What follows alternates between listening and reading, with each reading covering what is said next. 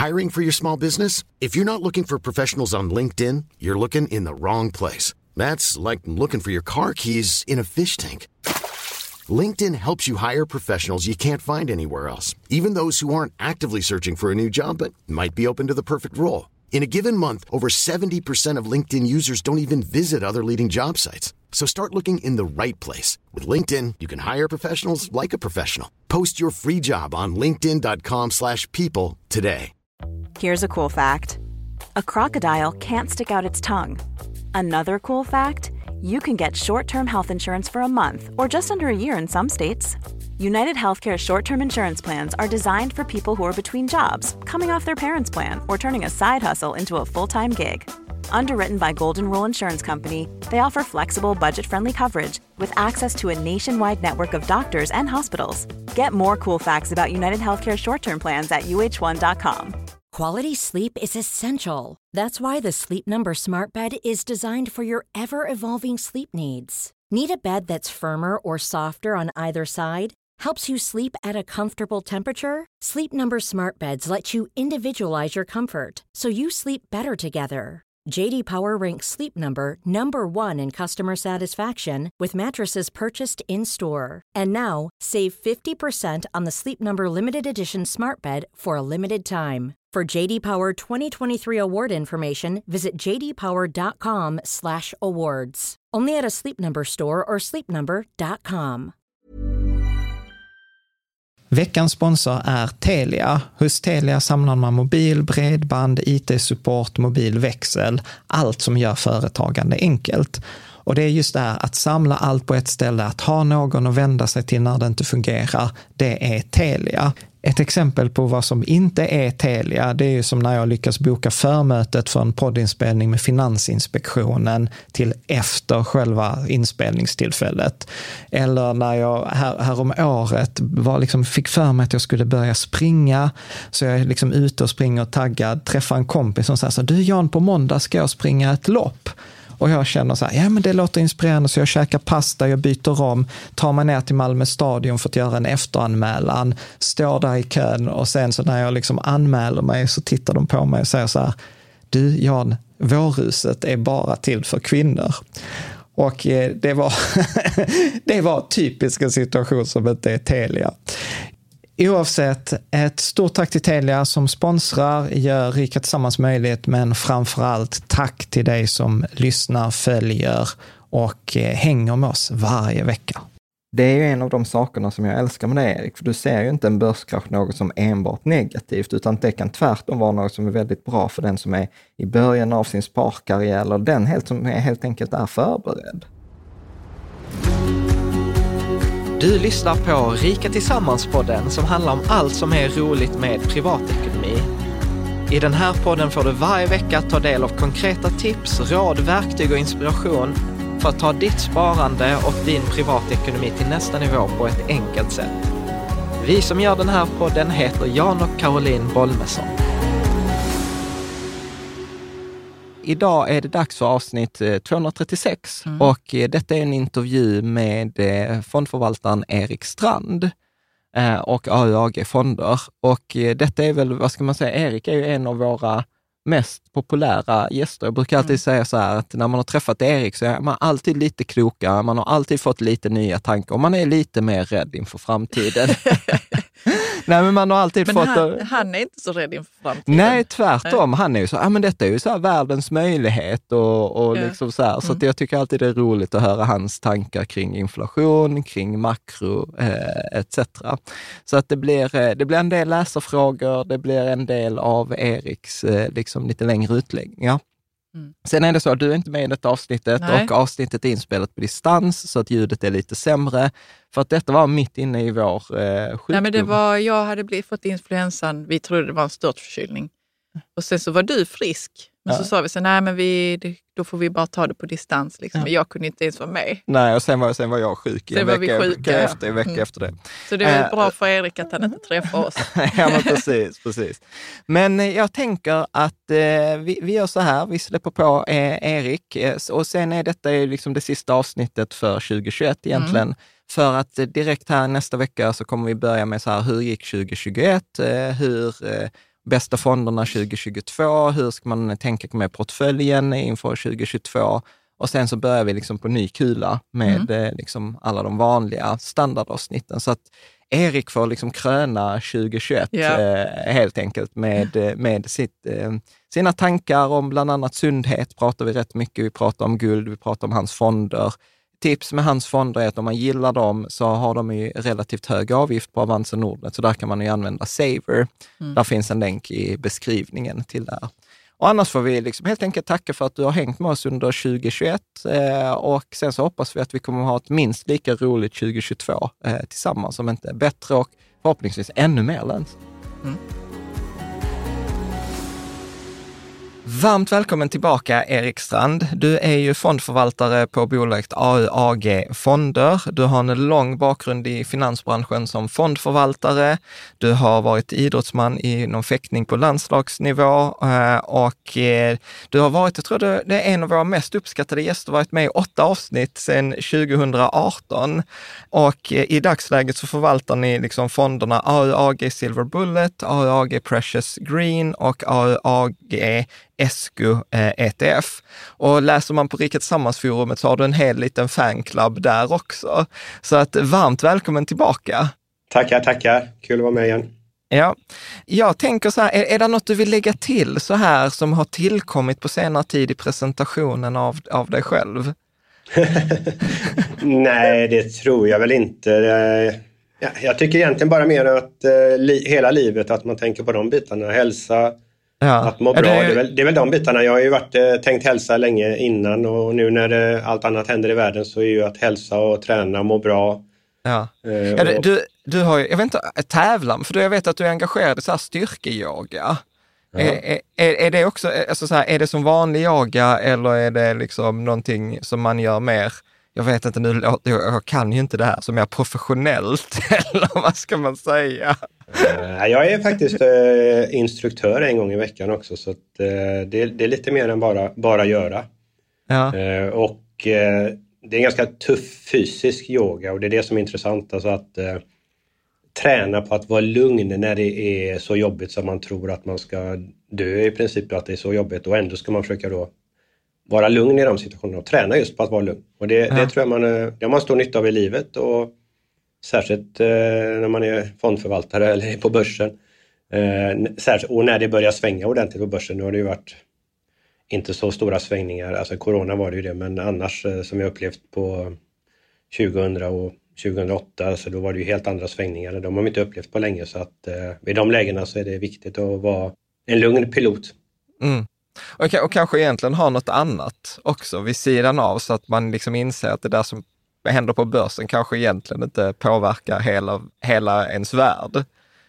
Nej, alltså det, det gör det. Jag har ju allt i känslorna i magen så att det är med mig 24-7, 365. så det, det, det, det, måste man också nog bara träna med att, att kunna ha det i magen eh, och känslorna runt eh, det som händer. Så att, eh, ja. Man kommer inte undan helt. Jag läser böcker gör jag i så fall. Läsa lite fantasyböcker eller någonting. Då kan jag koppla bort allt. Ja, ja men precis. Men du, jag, jag tänker ju så här, eh, alltså även om du har varit med många gånger så kan det vara så att vi har några nya lyssnare som, eh, eller liksom för som inte har träffat dig innan. Och då tänker jag så här, det, detta är alltid läskigt när jag ska försöka sammanfatta din verksamhet, men du får bear with me här. Jag tänker så här att du och ditt team, för ni, ni har ju växt, eh, mm. utgår från liksom två megatrender. Och en sån här trend är liksom ökande skuldsättning, eh, ökande tillverkning av eh, pengar. Och vilket idag, så som jag har tolkat det, ger ett strongt case för liksom guld och silver och alternativ till att bara ha typ aktier, eh, typ, eller att det är egentligen ett bra, bra komplement. Håller du med att det är den ena trenden? Ja, absolut. Ja. Hur, hur brukar du beskriva den? Ja, man kan säga så här att eh, för AUAG så tänker vi på eh, sund, sundhet. Mm. Och det gäller ju som vi sa förut om hälsa, om livet, om människor, att de är sunda och inte springer i ekorrhjulen. Eh, vi pratar om en sund värld, det gröna, det kanske vi kommer in på sen.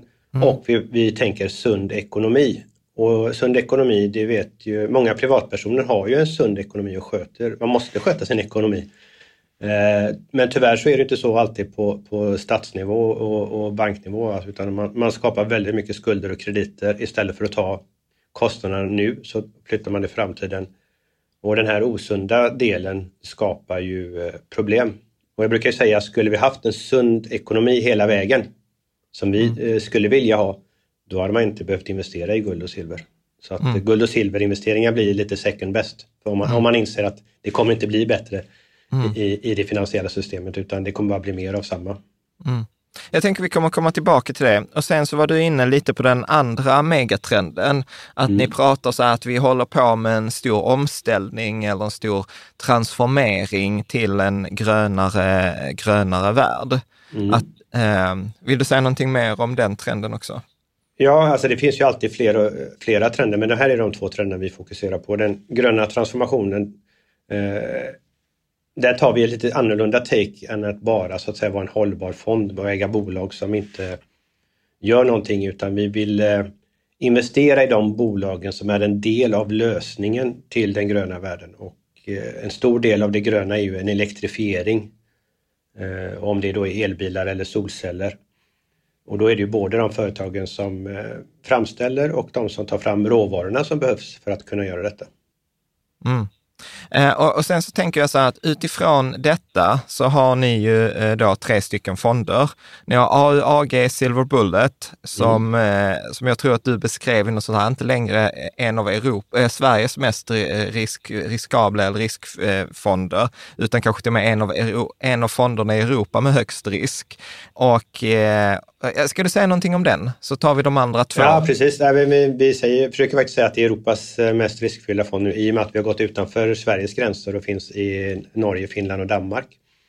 Eh, och även för andra institutionella investerare ute i Europa. Och, då, och det är utifrån riskklass och riskklass är ju en, det här skalan 1 till 7.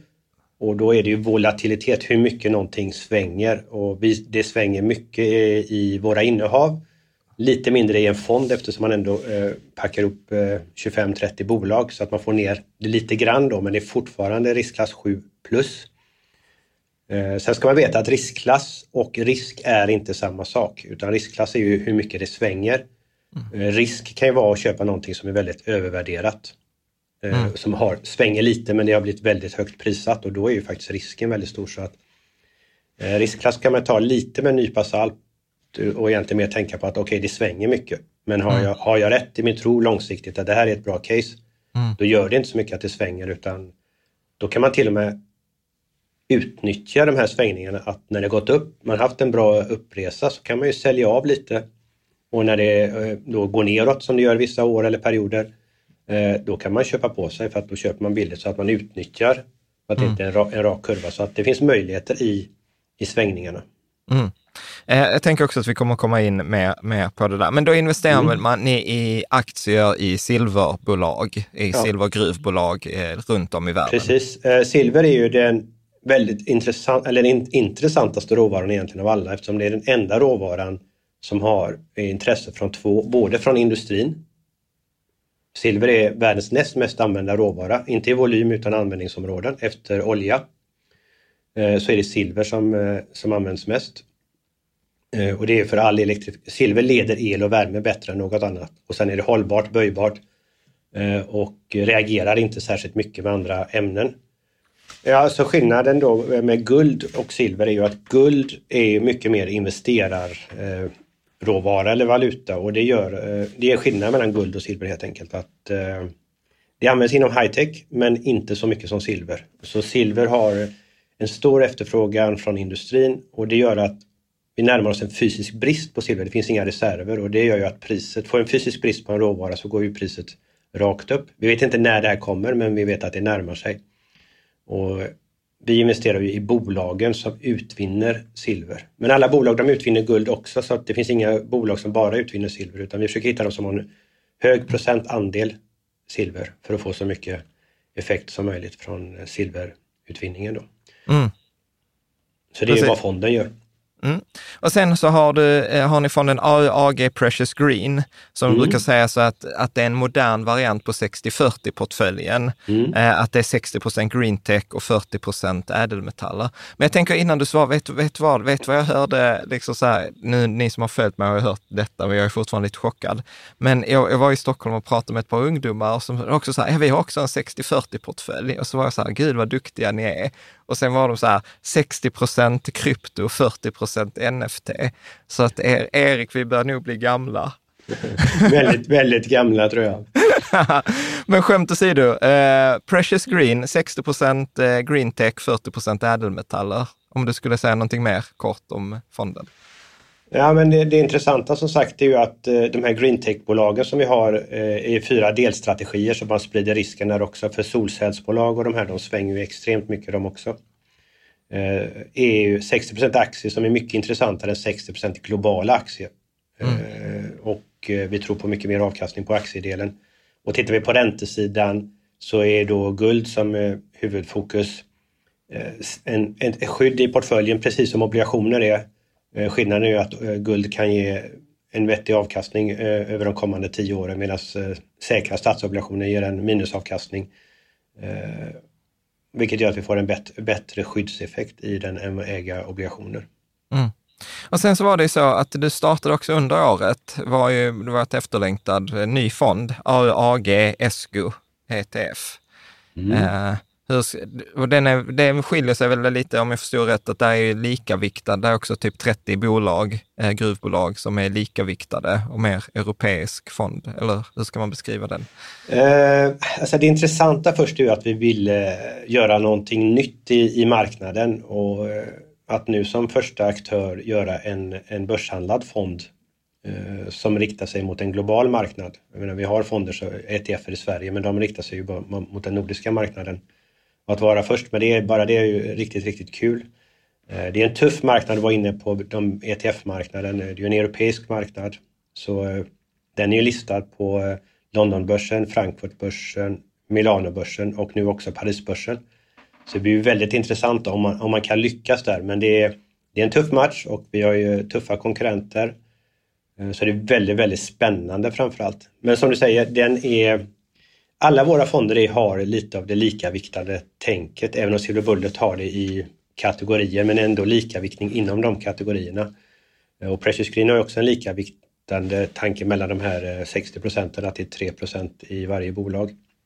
Eh, och här är det då 25 bolag som varje kvartal byts ut beroende på hur de utvecklar sitt ESG-arbete och sin rating där. Mm. Okej. Okay. Eh, jag, jag, tror vi får tillfälle att trilla in ja. mer, mer på det också. Men jag, jag, tänker så här, en, en av de spännande frågor som jag alltid får när, när du kommer är så här, bara, bara låt Erik prata. Alltså bara låt, bara, bara, Eh, och, och, och, och, då vill de, det är så vi, vi är många eh, som undrar så här, du, du gillar ju liksom så här också ta ett steg bakåt och liksom så här lite betrakta och skapa liksom en egen vy eller en egen åsikt. Och så att om jag skulle ställa frågan så här ekonomiskt, så här, var, var är vi just nu?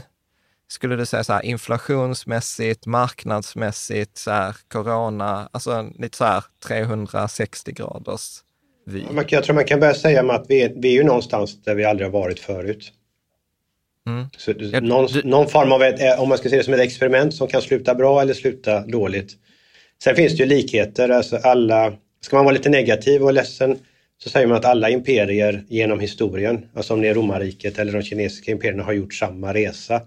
Alltså att man börjar med eh, friskt, eh, frisk makt och frisk kontroll på allting och så växer man och sen växer man och sen börjar det kosta pengar och så börjar man slösa med pengar och så ska man se till att alla känner sig trygga eller gör som ledningen vill. Och så börjar man trycka pengar och så trycker man pengar och till slut så har man tryckt så mycket pengar som man förstör värdet och till slut så försvinner förtroendet för, för, för pengarna och sen blir det någon form av eh, ja, mindre revolution eller någon nystart och sen börjar ett nytt imperium. Så det är ingen tragedi egentligen, det har det varit att jag menar, många imperier genom historien har gått under. Eh, men människan har inte gått under för det utan vi har ju bara startat en ny form och en ny sorts eh, imperium. Och man kan väl säga att eh, England var ju eh, den stora makten tills USA tog över. Så det har ju skett ett skifte, det är inte kanske i vår tid, men precis innan vår tid har det ju skett det här skiftet att det blir USA. Och USA har ju haft eh, den här världsmakten länge och det är kanske det som man ser att det skakar lite i, i fogarna att ha den här makten eh, och då kommer man in på valutor, alltså att sker världshandeln i dollar, eh, sker det i euro, man ser att eh, Ryssland och Kina de gör affärer mellan varandra, nu gör man det mellan Indien också eller mellan så, länd, så dollar.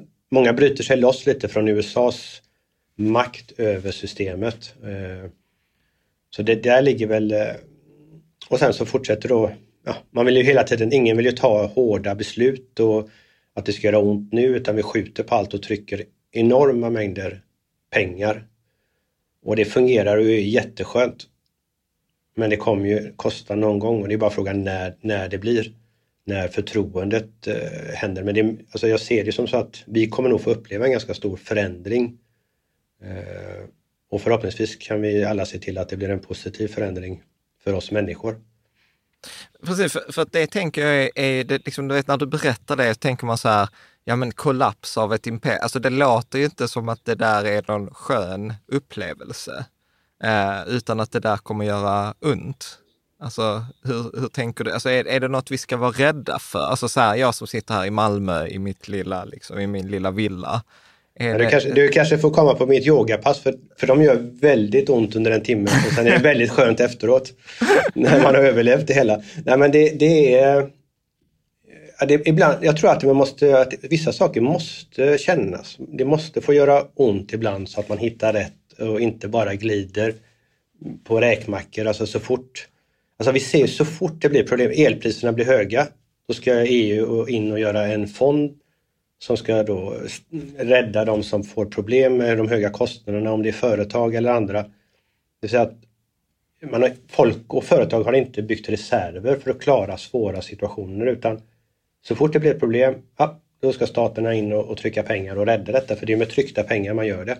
Det finns ju inga pengar att liksom bara dela ut utan det är ju våra pengar, det är vi som är staten. Och någonstans så kommer det, det skapa beteenden som inte är bra. Det vill säga att vi hade kriserna och så fort det blev problem eh, så ska man rädda företagen eller fastighetsbolagen eller bankerna. Eh, och då vet, till slut så vet de ju att men det är ju bara att ta risk. Alltså vi blir alltid räddade och, och då får man ett farligt, det blir ett farligt beteende i slutändan och jag tror i slutändan så straffas man av, av dåliga beteenden. Mm. Även om det inte sker just nu. Mm. Men jag, tänk, jag tänker också så här, jag tror att du sa i, något, i någon intervju eller någon artikel som jag läste, så sa du så här att ja, men, vi är på väg mot en perfekt storm och jag tror att liksom våra fonder är liksom en bra, bra position för de kommande 10 till 20 åren. Så jag tänker om du så här, hur, hur kan beskriva den här perfekta stormen och sen tänker jag att det är ett ganska långt perspektiv, 10-20 år. Ja, ja precis. Äh, men det är lite av vårt, alltså syftet för oss, varför vi tycker det är kul med att ha gjort fonderna, det är ju att vi tror att fonderna kommer kunna vara ett, ett skydd och försvar att klara sig igenom den här eh, resan som vi, vi har framför oss. Och det, liksom, det är lite av the mission, alltså missionen för oss att eh, att det här finns det någonting att hålla i handen när det kommer. Och eh, Vad vi har nu är ju att vi har haft en börs som gått upp i, hur många år blir det? 12, 13, 12 år. Ja, typ. Eh, och typ längsta någonsin snart. Eh, uppgångsperioden och det, det betyder inte att det ska gå ner. Men det betyder ju att det, varje dag närmar vi oss no, någonting, att det händer någonting. Så vi skulle kunna få en kraftig börsnedgång och tanke på hur mycket det har gått upp och vi vet ju, vad brukar de gå ner i snitt? 55 procent? Ja, precis. 50 till 60. Ja, eh, och om det då har gått upp osedvanligt mycket så vore det inte konstigt om nedgången skulle vara osedvanligt stor. Eh, det ligger i luften. Eh, men där vill jag lägga in en brasklapp. Kommer man trycka mycket mer pengar, vilket jag tror att man kommer göra, så kommer inte börserna gå ner särskilt mycket. Så att allt hänger på hur mycket pengar och hur mycket man förstör valutorna. Och sen har vi då en obligationsmarknad där det har varit bra att äga obligationer, inte varje år och varje månad, men i, i princip i 30 år. Och obligationscykler är mycket längre än aktiecykler. Och risken att de här så att säga, går ner samtidigt, det brukar ju då bara ske om det är var, var tionde år för börsen och var trettionde år för obligationsmarknaden så sker det ju bara var trettionde år och det är sällan eh, vi som människor då får uppleva en, en sån tillfälle. Och sitter de med investerare med aktier och obligationer och så går allting dåligt samtidigt, då blir det ganska svettigt. Mm. Och det är lite av den perfekta stormen och då, eh, då kommer kapital rotera in i sektorer som är mindre övervärderade och eh, intressantare och då, då tror jag att råvaror kommer vara viktigt eh, att äga. Mm.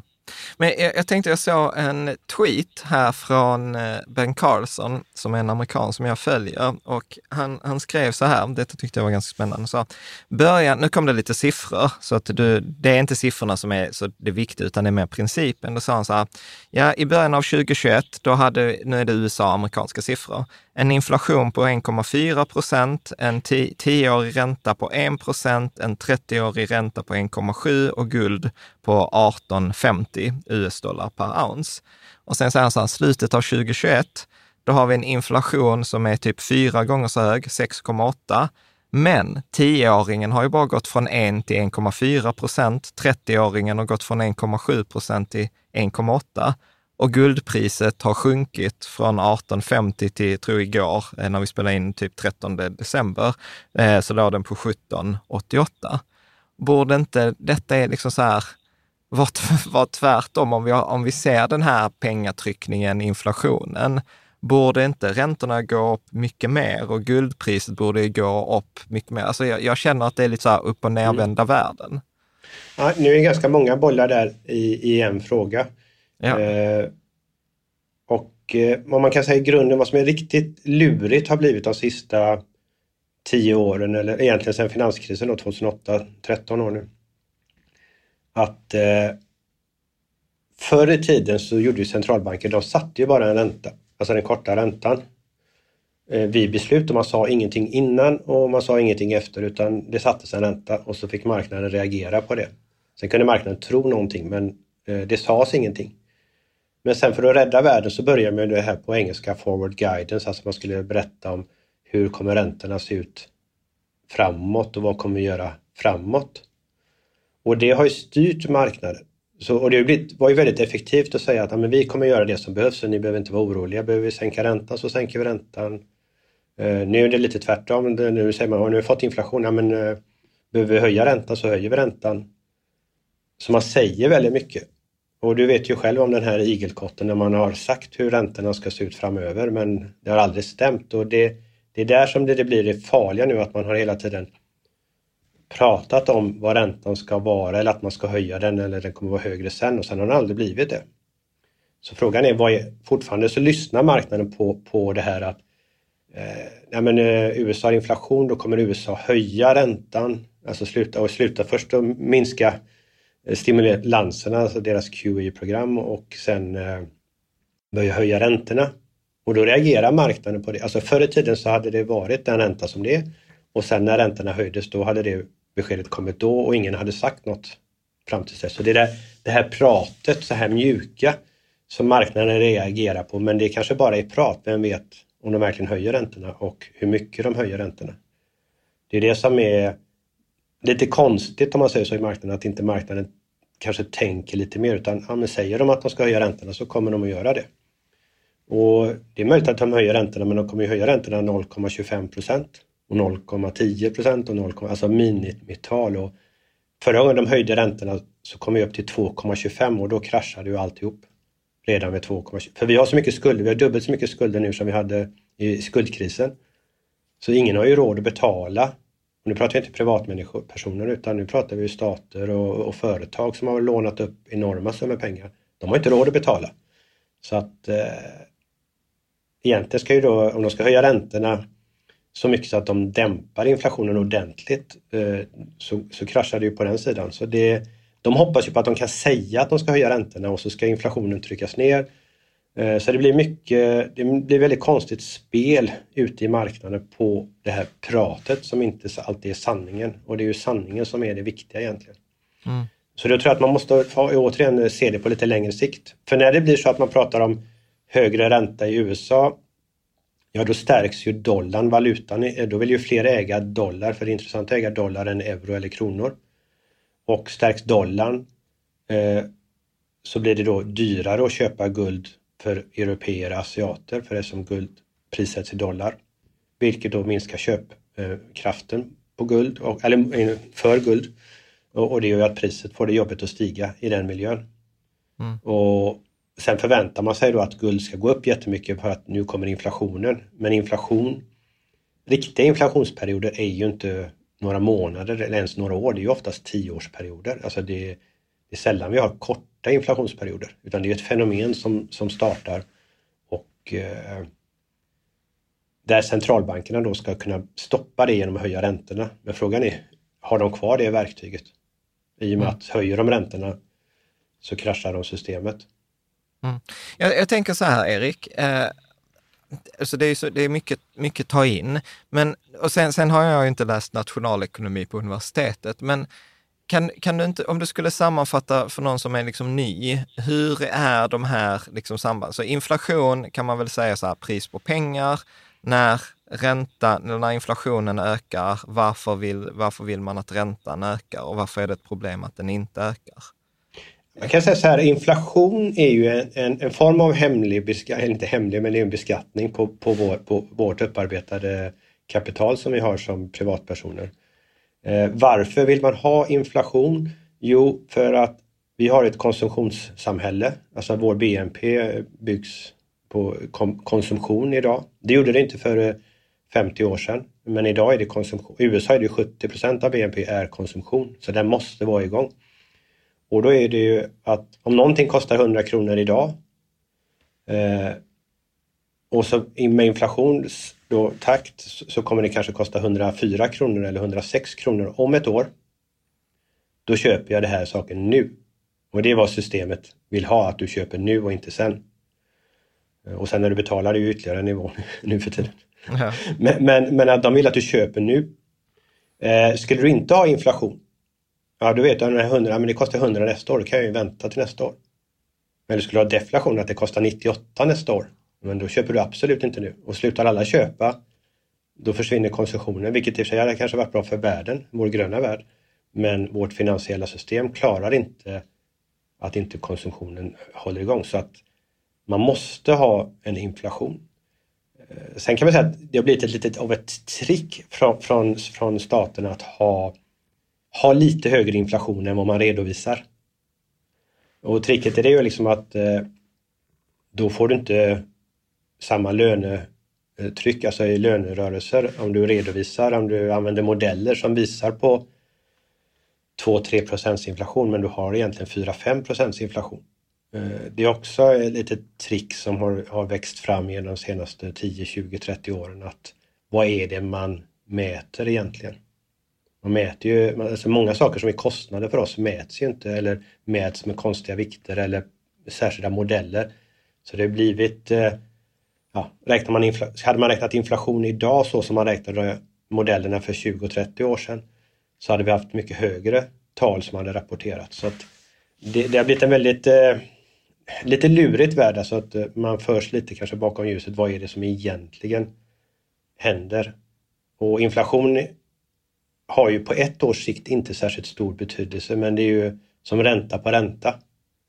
Det är nästan när man har en sån period under en längre tid så påverkar det väldigt, väldigt mycket när det börjar bli de här höga talen. Mm. Och, och, hur hänger inflationen ihop med ränta?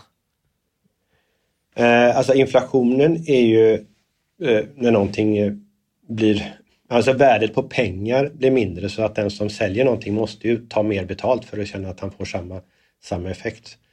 Eh, och räntan eh, blir det intressant, alltså ju mindre ränta det är, ju mindre anledning har du att ha pengarna på banken. Har, blir det väldigt, med hög ränta, skulle man plötsligt få 5% ränta på bankkontot så skulle ju många sätta pengarna på bankkontot och låta dem stå där. Eh, och då konsumerar man inte och då försvinner ju köptrycket. Och det ser man ju i länder med riktigt så här med superinflation, alltså där, där går de ju, måste de ju få handla för lönen samma dag. För att värdet av pengarna minskar så mycket så att eh, det är inte är värt något. Eh, och det finns ju mycket exempel på det där eh, i de länder som har riktigt dålig eh, kontroll på sin ekonomi. Så kraftigt är det ju inte här för oss i Europa. Men det ändå märks och det märks mer och mer. Mm.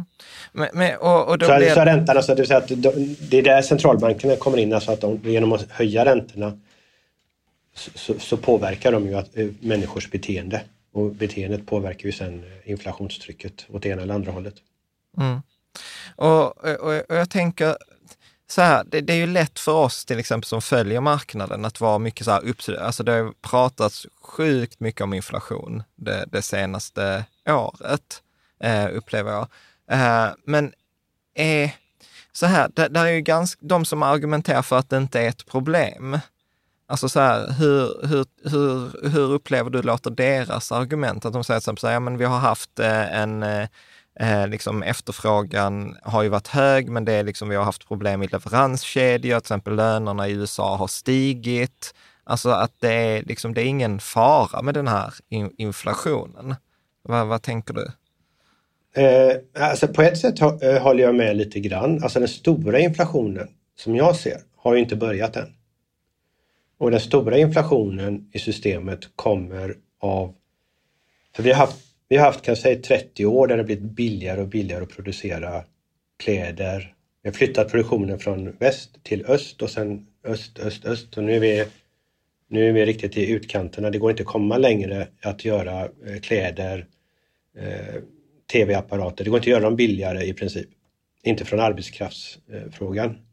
Och det här 30 åren när allting har blivit billigare att producera.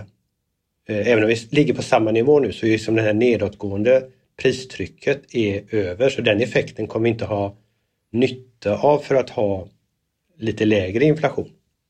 Det tror jag är en väldigt stor förändring. När det är liksom priset, det går inte att producera. Vi är liksom, Kina är till och med dyrt nu och, och det finns liksom inte billigare ställen att eh, producera. Så att hela den 30-årsresan som har dämpat inflationen är över och det tror jag är viktigt att ta fasta på. Och det andra jag tror som sker nästan nu samtidigt är ju att Kina och Indiens befolkning växer ju eh, kraftigt, eller är stora om vi säger så. Och deras medelklass blir större som andel av den här stora befolkningsmängden. Och det gör att de får mer och mer köpkraft och när de börjar handla och köpa, eh, om det nu är vetemjöl säger vi, så är det ju ett globalt världspris. Och om deras köpkraft ökar och de vill också ha eh, vetemjöl av den kvaliteten så kommer priserna stiga. Och den inflationen som kommer dels att det inte blir billigare att producera och dels att köpkraften ökar i eh, Asien kommer sätta enorm press på oss i väst för att eh, i Asien kommer de troligen vara beredda att jobba mer för att ha råd eftersom priserna stiger. Alltså lägga ytterligare fem timmar arbetstid i veckan för, för att inte bli, känna sig drabbad.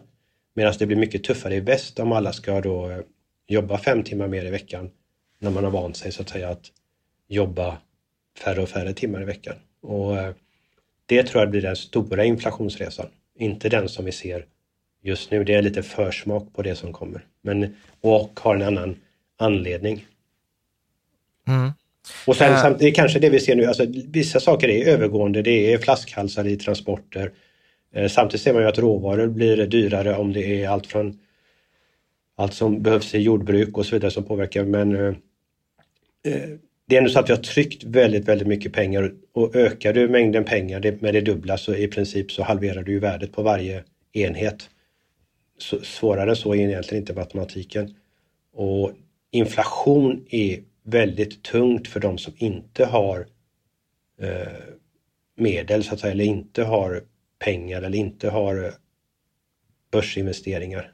Eh, när, när eh, mat och sånt som då har en hög eh, påverkan på den totala ekonomin.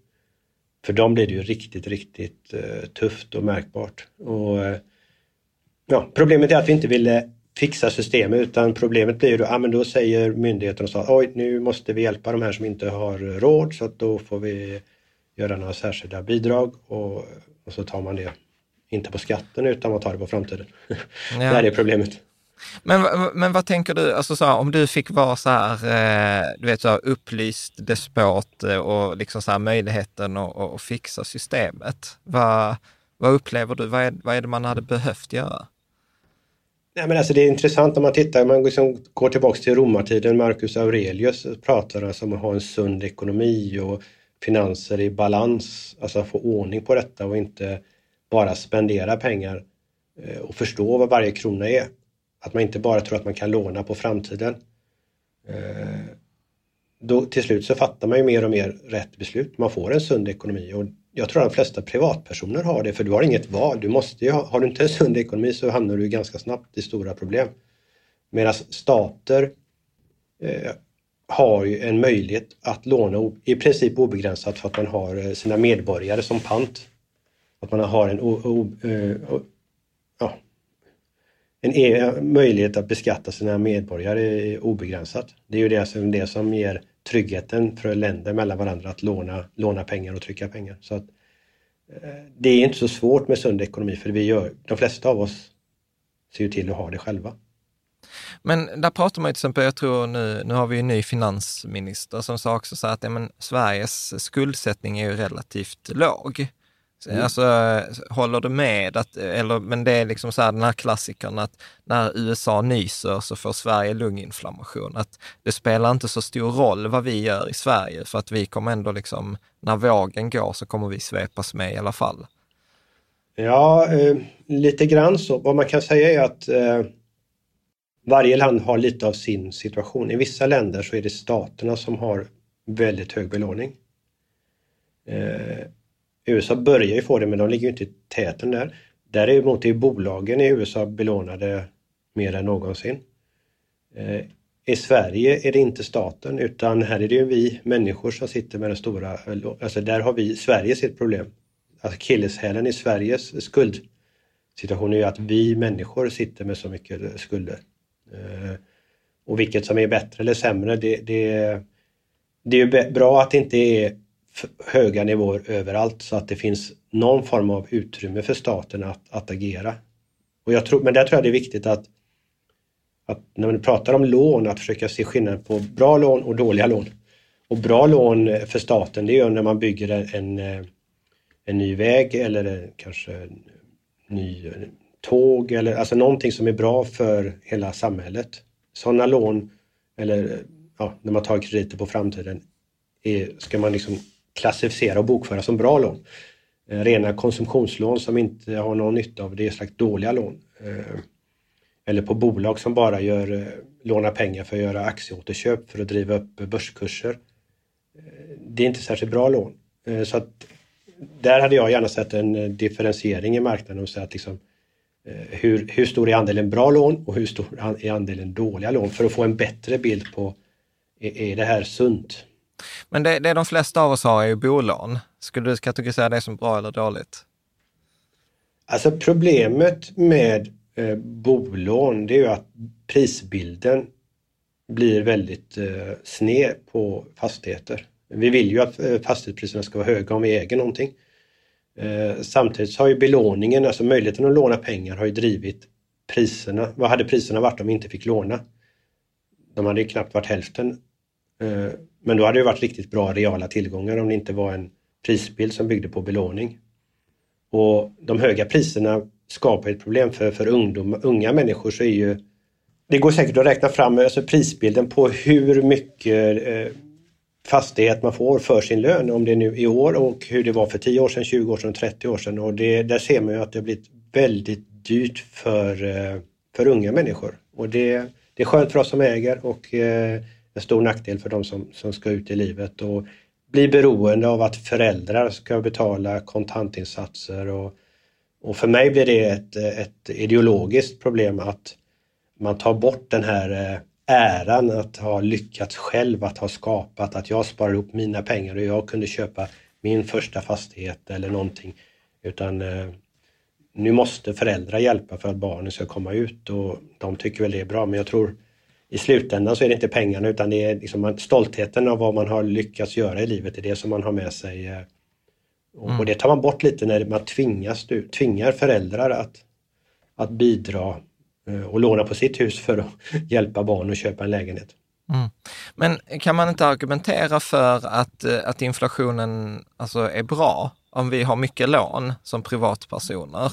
Att eh, då kommer inflationen äta upp skulderna, alltså typ så som det var på 70-talet. Absolut, eh, eh, och det är väl lite som med guld och silver eller, eller vi har ett läge och så se till att utnyttja läget. Alltså vad är effekterna? Och, på 70-talet var ju det, det som du säger att det var det som tog bort skulderna och drev fastighetspriserna eller värd, skillnaden på värdet på fastigheten och de man hade lån.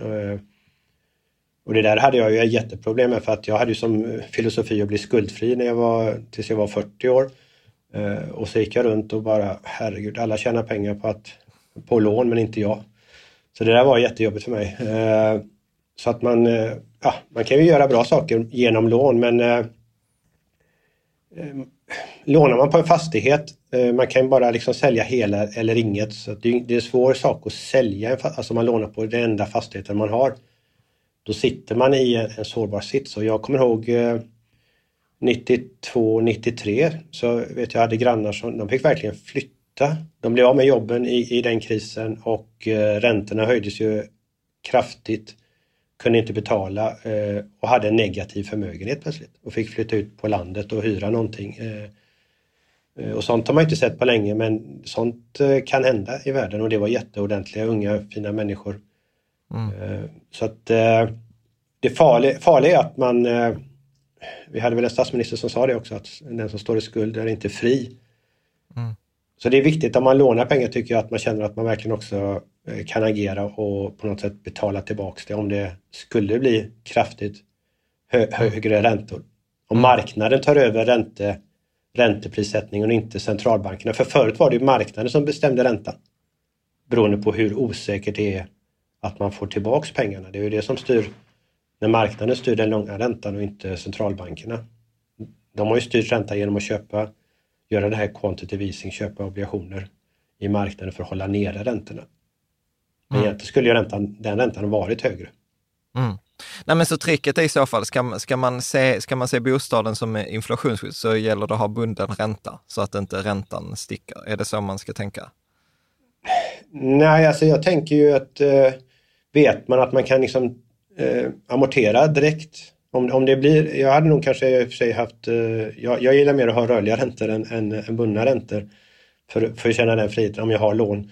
Eh, och sen så kanske jag vet att jag har en påse pengar så att jag istället eh, löser, löser upp lånet eller halva lånet eller vad, att jag kan göra det mm. i det läget om, om räntorna blir högre än att sitta med bundet lån för då, då binder man fast sig. Så jag, det vet jag inte, nu ska jag inte ge råd om eh, om, om sånt. Men eh, historiskt så brukar ju rörligt alltid vara bättre än bundet.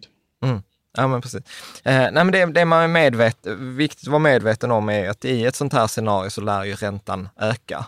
Och ökar, ökar räntan så liksom det blir mer att betala och sen så blir det ju också förmodligen en flykt från aktier till räntor. Kan man säga ja, så? Det, är svår, alltså det svåra är, jag, jag tror att de hoppas på att kunna säga att de ska höja räntorna och att det räcker. Att liksom, då, då kyls allt ner för att alla blir lite rädda att de säger att de ska höja räntorna och så behöver de inte höja räntorna. Det tror jag är deras eh, dröms, ja, drömscenario och strategi. Eh, och sen vet vi ju att de kan inte höja räntorna särskilt mycket för att höjer de dem eh, över 2% säger vi, då kraschar allt eh, börsen och det har de inte politikerna råd med för då blir de inte omvalda. Om vi får en börskrasch då blir det liksom om nyval, eller de blir utbytta vid nästa val. För det mm. slags blir deras, deras fel att det hände. Eh, så jag har svårt att se att det kommer några höga räntor. Mm. Eh, även om vi borde haft det så att det blev sund ekonomi, men eh, mm. jag tror inte vi är på väg dit. Jag vet inte, det bara slog mig det här citatet som Winston Churchill har sagt så här, man kan alltid lita på att amerikanerna gör rätt sak först efter när de har testat alla andra alternativ. och, det känns, och det känns väl lite som att eh, det, det är där, där vi är. Jag, jag ja, det var väl som Buffetts uh, Munger tyckte jag också i och för sig sa bra att uh, show, show, me the incentives, incentives and I will show you the outcome. Uh, och det är väl det man får titta på vad de för, uh, vad är det de vill uppnå och det, och det är väl det de kommer att göra också. Mm. Jag, jag, tänker om vi ska ta lite frågor här också mm. i, i, i riktning på det här. Det är en fråga från Timmy här. Han frågar så här, vad har den största överraskningen i marknaden varit under 2021? Eh, är det något utfall eller någon trend? Va, vad har förvånat dig?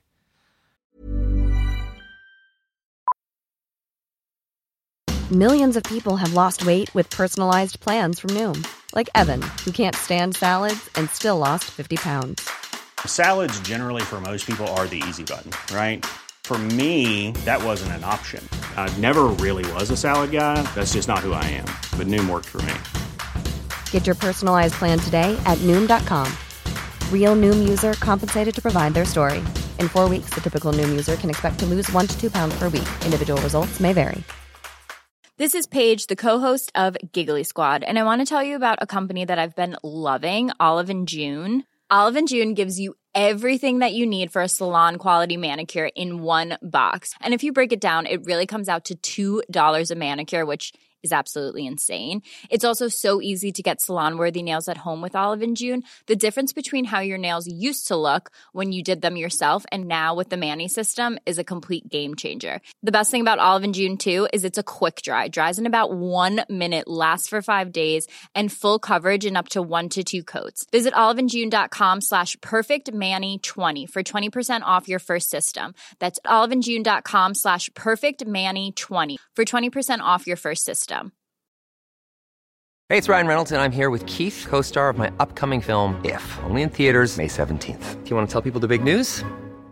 All right, I'll do it. Sign up now and you'll get unlimited for $15 a month in six months of Paramount Plus Essential Plan on us. Mintmobile.com slash switch. Upfront payment of $45 equivalent to $15 per month. Unlimited over 40 gigabytes per month. Face lower speeds. Videos at 480p. Active Mint customers by 531.24 get six months of Paramount Plus Essential Plan. Auto renews after six months. Offer ends May 31st, 2024. Separate Paramount Plus registration required. Terms and conditions apply if rated PG.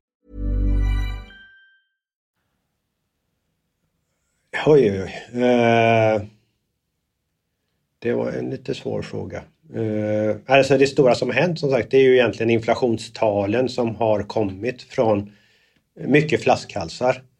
Eh, och att det skulle vara sådana obalanser i de bitarna. Eh, det tyckte jag var... Men nu pratar om förvånas, man var lite förvånad. Det var... Politiskt var jag väldigt förvånad i Afghanistan men det var ju mer en fråga om makt och militär höll jag på att säga. Men jag väldigt förvånad hur, hur, det, hur det kunde svänga så snabbt med någonting. Eh, på ja, timmar och dagar. Mm. Där ser man alltså, det var ju inte ett stabilt läge men alltså att eh, världens största nation så att säga fick springa därifrån och hade ingen koll på någonting. Eh, där ser man hur snabbt när någonting börjar snurra att eh, oj, det var inte vår, nära vår värld direkt men det är ändå vår värld. Och mm. Eh, man kunde se hur snabbt någonting händer som, eh, bara som ett exempel.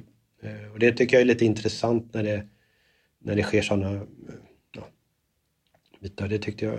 Men annars är ju ganska mycket väl väntat. Alltså centralbankerna gör ju samma sak. Man, man pratar, eh, pratar sött så att säga och eh, säger att man har koll. Eh, men eh, snart så möter de ju liksom sin motståndare i inflationen och då blir det väldigt intressant att se vilket spår de väljer. Men, men jag tänker där, Erik, om jag ska vara lite tuff mot dig. Mm, så ja, du, ja, du har ju haft ändå den här tesen sedan typ 2018. Uh, eh, alltså så här, hur... Jag, jag, jag, fattar ju att det är omöjligt, så att helst hade ju, alltså om vi läsare och följare fått välja så hade vi gärna sagt att du hade sagt så här, ja men 28 eh, februari 2024, ja. det, det är då det sker. Men, men eh, hur, hur, hur tänker ja. du liksom kring, kring de här frågorna? Alltså så här, när, Finns det något tillfälle då du tänker så här, nej, jag hade nog fel? Det, det blir inte så här. Jag, jag brukar försöka luta, luta mig tillbaka och säga, det finns ett bra engelskt uh, ordspråk att uh, either you look like a fool before or after. Ja. Uh, nej, men allt är ju långsiktigt. Man kan inte säga när. Det, det, är som du säger, det är svårt att veta när en börs toppar och när den bottnar. Det är alltid svårt med... Och därför säger vi ju aldrig tidpunkter eller om någon förväntar sig att det ska ske eh, att silver går upp eh, nästa år eller i år. Eh, det hade jag trott att det skulle hända nu. Det kanske händer nästa kvartal istället eller ett år senare. Det, där, det, det, vet man inte när det händer, så, så, enkelt är det inte. Det hade varit för lätt helt enkelt. Man måste ha ett, man måste ha ett case, man ser det här är vad vi ser och sen får man spela sina kort efter det. Att det trycks för mycket pengar, att det är osunt, ja, det, det, kan jag sova med varje natt så att säga.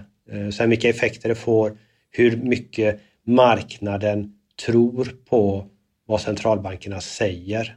Eh, det förvånar mig i och för sig fortfarande hela tiden att så många aktörer tror på de här räntekurvorna som alltid är fel. Men ändå fortsätter marknaden tro på det så att eh, eh marknaden vill tro. Och jag tror det kan bli ganska binärt, alltså att det svänger kraftigt när, det, när förtroende vänder, att det är en förtroendefråga. Eh, och det visar ju sig att man löser problemet genom att trycka ännu mer pengar så att man har ju tryckt ännu mer pengar. Eh, centralbankernas balansräkningar har ju gått från ja, sexdubblats eller vad det nu är, eller femdubblats mm. under de här bra åren. Så har man ändå stöttat hela tiden, hela tiden, hela tiden. Och jag tror att man kommer driva det så långt det bara går. Och det kan ta ett år, tre år, fem år. Och det är inte Men... säkert det blir en krasch. Jag vill inte säga att det blir en krasch utan jag vill bara se möjligheter och eh, att man är rätt positionerad. Men för, för det är ju lite så, alltså jag kan ju känna igen mig i perioder, så här, du vet kejsaren är naken. Mm. För det, det, är väl lite det du säger här, att liksom kejsaren är naken och så är du liksom också så lite så fascinerad, att du liksom kollar dig omkring och så är så här, men fan vad många det är som tror att kejsaren har nya kläder. Mm. Eh, alltså så här, hur, hur gör du för att, alltså så här, när, hur, hur gör du för att ha tilliten till dig själv? Alltså förstår du vad jag menar? Alltså att våga, nä, nä, så här, vad hade behövt övertyga dig om att du har fel? Uh, nej, det skulle jag väl inte, det kommer inte ens till tanken att, uh, alltså i den biten, om man tittar på pengar och hur pengar blir till uh, och, och, historiskt så, så är det, det, är så, det, är så, det är så här det är. Mängden pengar kan man liksom inte dölja men reaktionen på det, det går ju att dölja. och det är egentligen som att vi har ett, ett solvensproblem som vi löser med likviditet och det, det funkar ju. Vi håller ju allt flytande och levande. Och man ska ju säga att alltså, lån, vissa, lån har gjort att ekonomin växer snabbare. Och det är ju positivt. Eh, I länder där man inte hade så mycket belåning så gick det ju väldigt trögt. Alltså man köpte bröd när man hade pengar för att köpa bröd. Eh, den gamla skolan. Eh, så vi har ju vunnit mycket i tid på det. Men det har satt oss i en sårbar situation. Mm. Och det är ju som vattendroppar i en damm.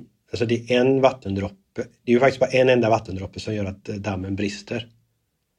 Eh, mm. Men egentligen är det samtidigt, samtidigt så är det ju alla vattendroppar ihop som gör det. Eh, och det, det är väl så, det är det, det scenariot vi har här. Sen får vi se hur snabbt det går. Det beror på hur, ja, hur man lyckas styra marknaden med, med prat och aktioner. Jag tror, eh. inte, jag tror inte fenomenet att trycka pengar är ett politiskt fenomen som alla politiker och stater liksom använder och har alltid gjort. Så, eh, då måste det, måste det ändras mm. Eh, i ett nytt system där man har en sund ekonomi och, och jobbar på ett helt annat sätt. Men där tror jag inte det för att det, det är väldigt sällan politiker tar vi har ju haft sådana perioder, få perioder, men det har funnits liksom den politiska att eh, om man har haft en tillräckligt stor kris så har man kunnat säga att nej men nu ska vi ta tag i det här, nu, nu, får, det, nu får det göra ont ett tag och så, och så gör vi det liksom nytt och rent och bra.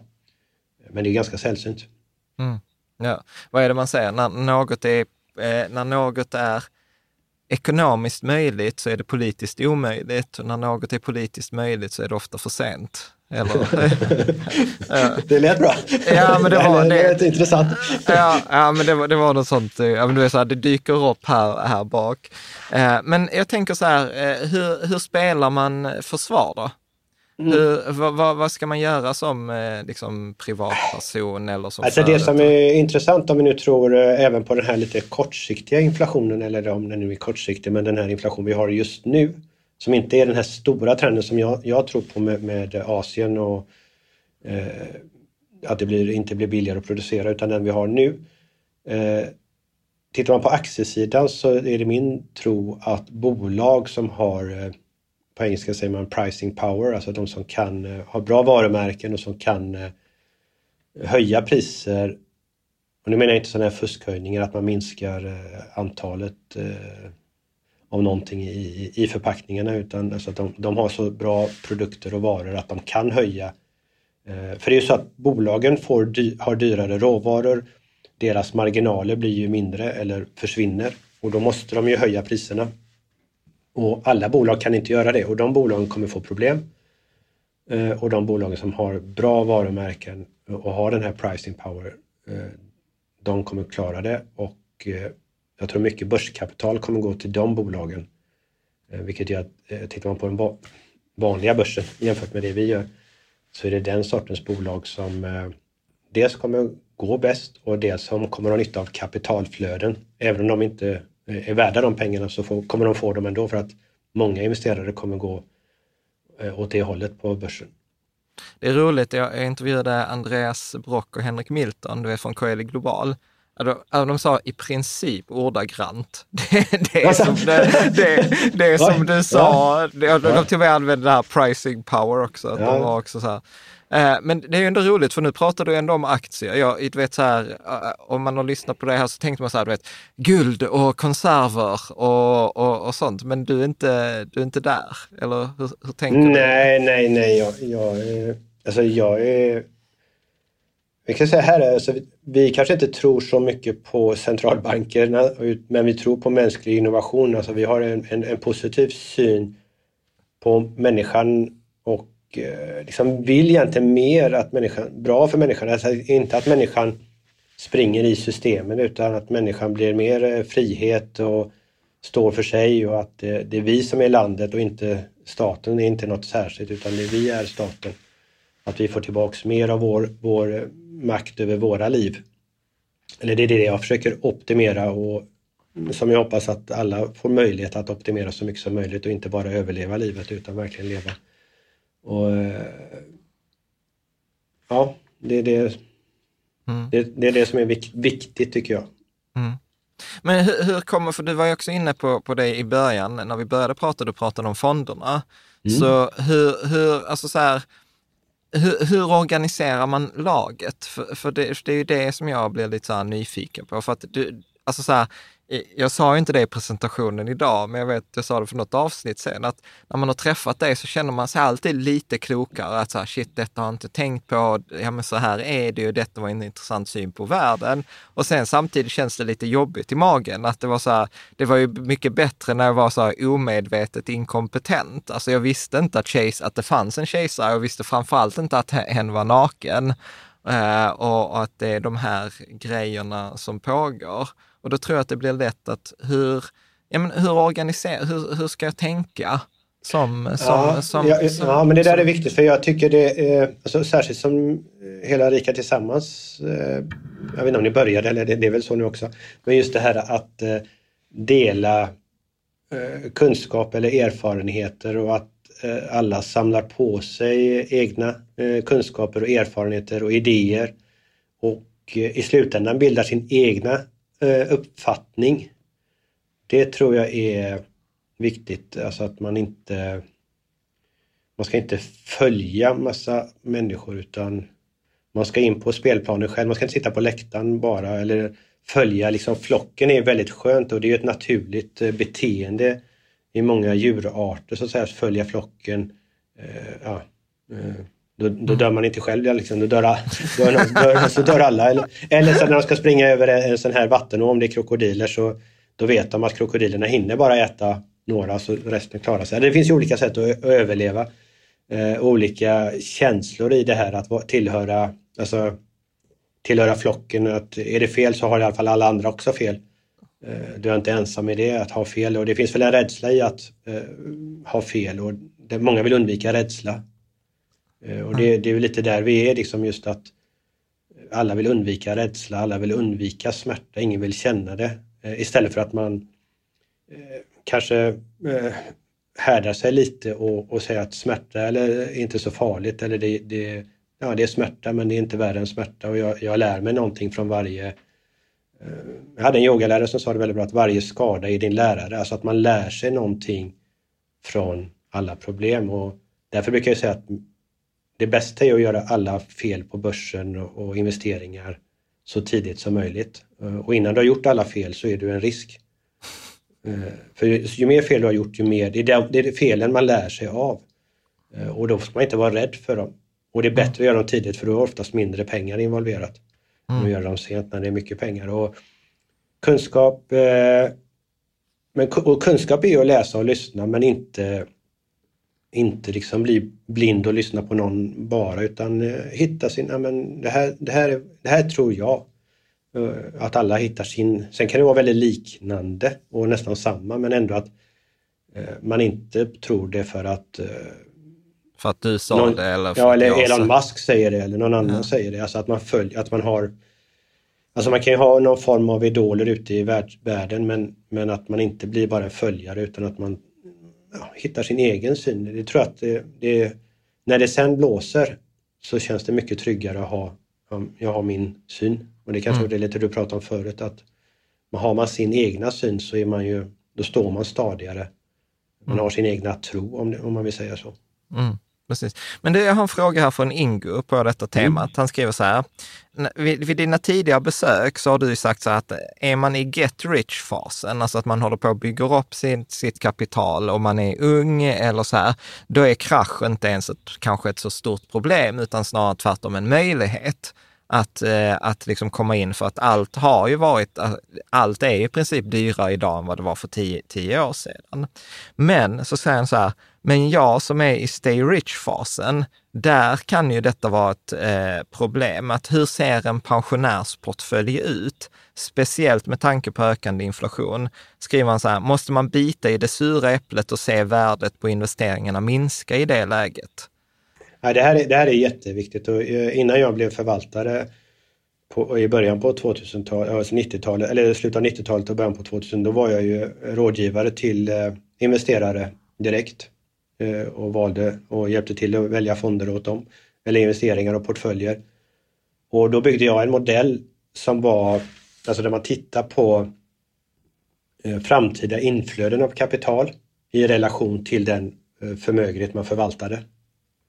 Och då är det ju, på en ung person som vi sa här, så är ju framtida inflöden av kapital ganska stort och det förvaltade för kapitalet ganska litet.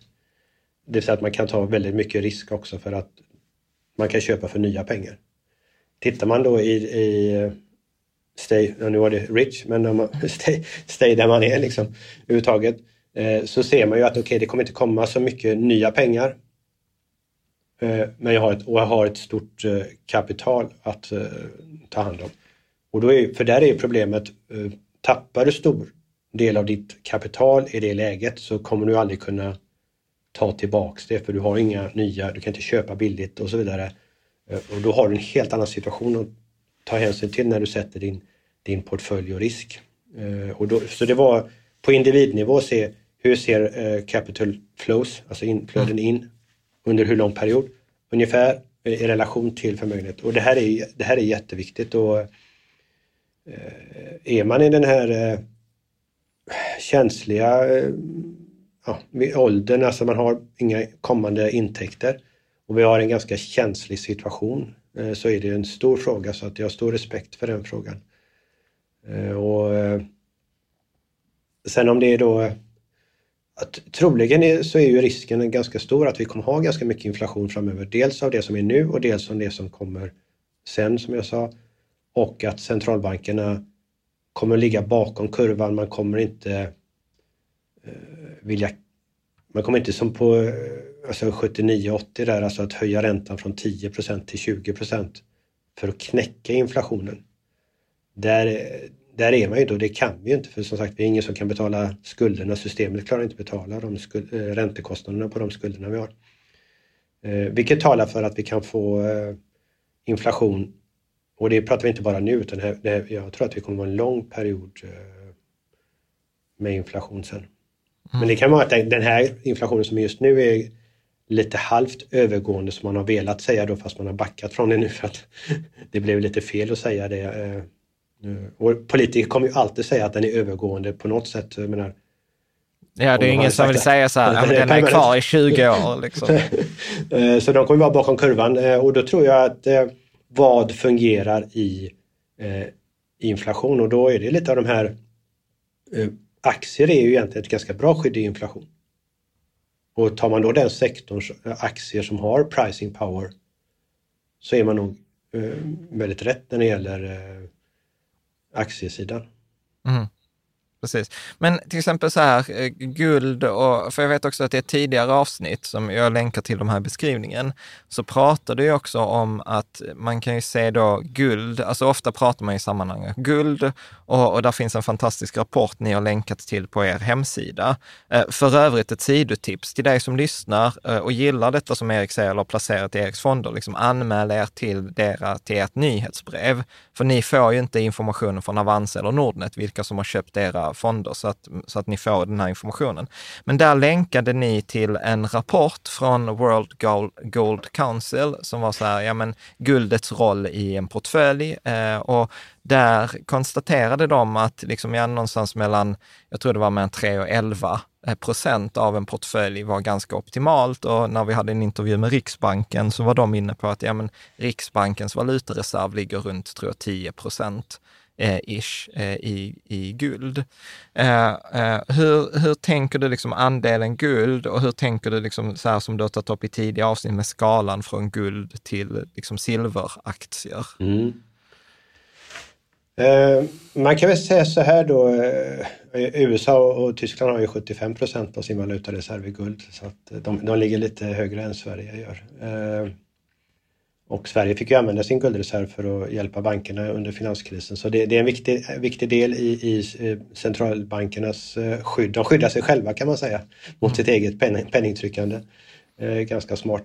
Eh, hur mycket guld vad man kan säga så här, guld släpptes ju fritt eh, 1971, så det är 50 år sedan det blev fritt, frisläppt så att säga. Och sedan dess har ju årliga avkastningen varit ungefär 11 procent. Medan de år där vi haft eh, högre inflation så har ju varit eh, bättre år och, eh, och egentligen inte inflation utan det är realräntan som är viktig, det vill säga eh, inflation eller ränta minus inflation och den blir ju då negativ om räntorna är lägre än vad inflationen är. Då har ju guld avkastat ännu bättre än det här genomsnittet.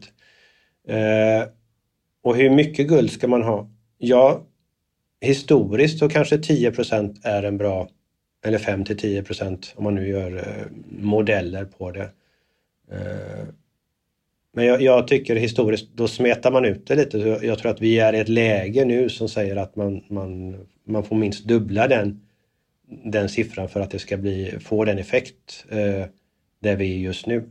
Men sen vet jag att det, man, man, kan säga att man kan inte tajma marknaden men eh, med den här perfekta stormen, med de här skuldsättningarna, med den här penningpolitiken så är det någon, något, någon, något tillfälle när man ska ha mer guld än, än andra så är det ju i ett sånt här scenario som vi nu är i och eh, som vi rör oss mot. Eh, jag har ju sagt 50% guld och 50% aktier. Ja, du sa det för typ tre år sedan och det har ju varit en magisk portfölj där under ett par år. Ja, så att eh, Sen kanske man inte vill allokera så stor andel av sin portfölj. Och då tror jag att ett, ett sätt att man använder mindre procent, det är ju att använda bolagen som utvinner guld eller silver eh, som vi har i fonderna då. Eh, för där kan man då förvänta sig lite mer avkastning och då kanske man kan allokera en, en lägre procentandel och använda mindre andel av sin portfölj. Eh, och tycka det, att det är ett effektivt sätt. Men jag tror att det är farligt att tänka för smått också. Man måste nog tänka lite ordentligt.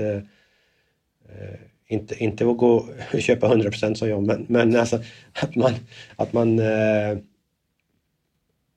Ja, för annars får det inte någon effekt. Alltså man äger, jag tror inte på att äga 5 eh, guld. Ja, man kanske sover lite bättre, men jag tror inte det kommer vara den stora möjligheten eh, för, för ekonomin eller skyddet i ekonomin om man eh, går ner på för, för låga tal. Däremot så blir ju varje portfölj bättre av 5% guld. Mm. Absolut. Men, men alltså så, om bara, eh, detta är som sagt inte så konkret rådgivning, men om vi skulle liksom leka med det. Alltså så här, säg att om vi utgår från att jag skulle ha en portfölj som är 50% aktier och 50% guld. Och sen så tänker jag så här, okej, okay, men vi har ju den här skalan som du säger, vi kan gå från fysiskt guld som är liksom typ guld-guld, sen kan jag gå till eh, liksom guldaktier, sen kan jag gå till silver, sen kan jag gå till silveraktier och liksom öka risken. Så säg att jag har eh, liksom då din, din silver bullet, som ju ska vara en lite så här att jag kan ha en mindre allokering men få en stor effekt eftersom den svänger så mycket. Eh, så vad, vad, vilken andel Silver Bullet skulle det jämföras med liksom typ 50 procent guld i en portfölj? Och kan man ens göra den jämförelsen? Alltså, Nej, det, det, det kanske man inte kan. Över lång tid kan man nog göra den ganska bra, men över kort tid så, så kommer det inte vara så, utan man får ha spänna fast sig i, i stolen om man har äger Silver Bullet-fonden och eh, jag tror att istället för att ha 20% guld, om man istället har 10 Silver Bullet eller eh, om nu jag säger nu 50% så kanske man är, är nere i 20-25 Silver Bullet. Alltså, ja. ja, men det var ju den faktorn ja, som jag var ute efter, ja, liksom, att man kan tänka... Att, eh, ja, då tror jag att man får, man, man, man, får den här effekten att blir det så så, så är det bra. Om man då har 25% så kan man ha 75% på börsen eller ja. 75% i, vad hette det, vad var det du sa innan? i början. Eh, eh, vadå? Bitcoins eller nej, men, alltså, ja, ja, precis, precis. kryptovalutor och, och, och, NFTs kan du ju ha 75 och, och 25% i silverbullet. Då... Ja, jag mår lite dåligt. Jag tänker vi går vidare. Men du, jag lyssnade också i ett av er så på hemsidan, så var det ni blev intervjuade av en tidning, tror jag Nordic Hedge eller något sånt här. Och det var där ett citat från Anna Svan, du och Anna Svan var i samma artikel. Och då skriver hon, liksom, liksom så här fritt översatt, eh, ja, men en av de huvudsakliga anledningarna till att du vill äga i alla fall något guld är att du vill kunna sälja det när, när aktiemarknaden rasar, så att du kan köpa aktier till ett lägre pris eftersom guld tenderar att vara kontracykliskt mot aktier.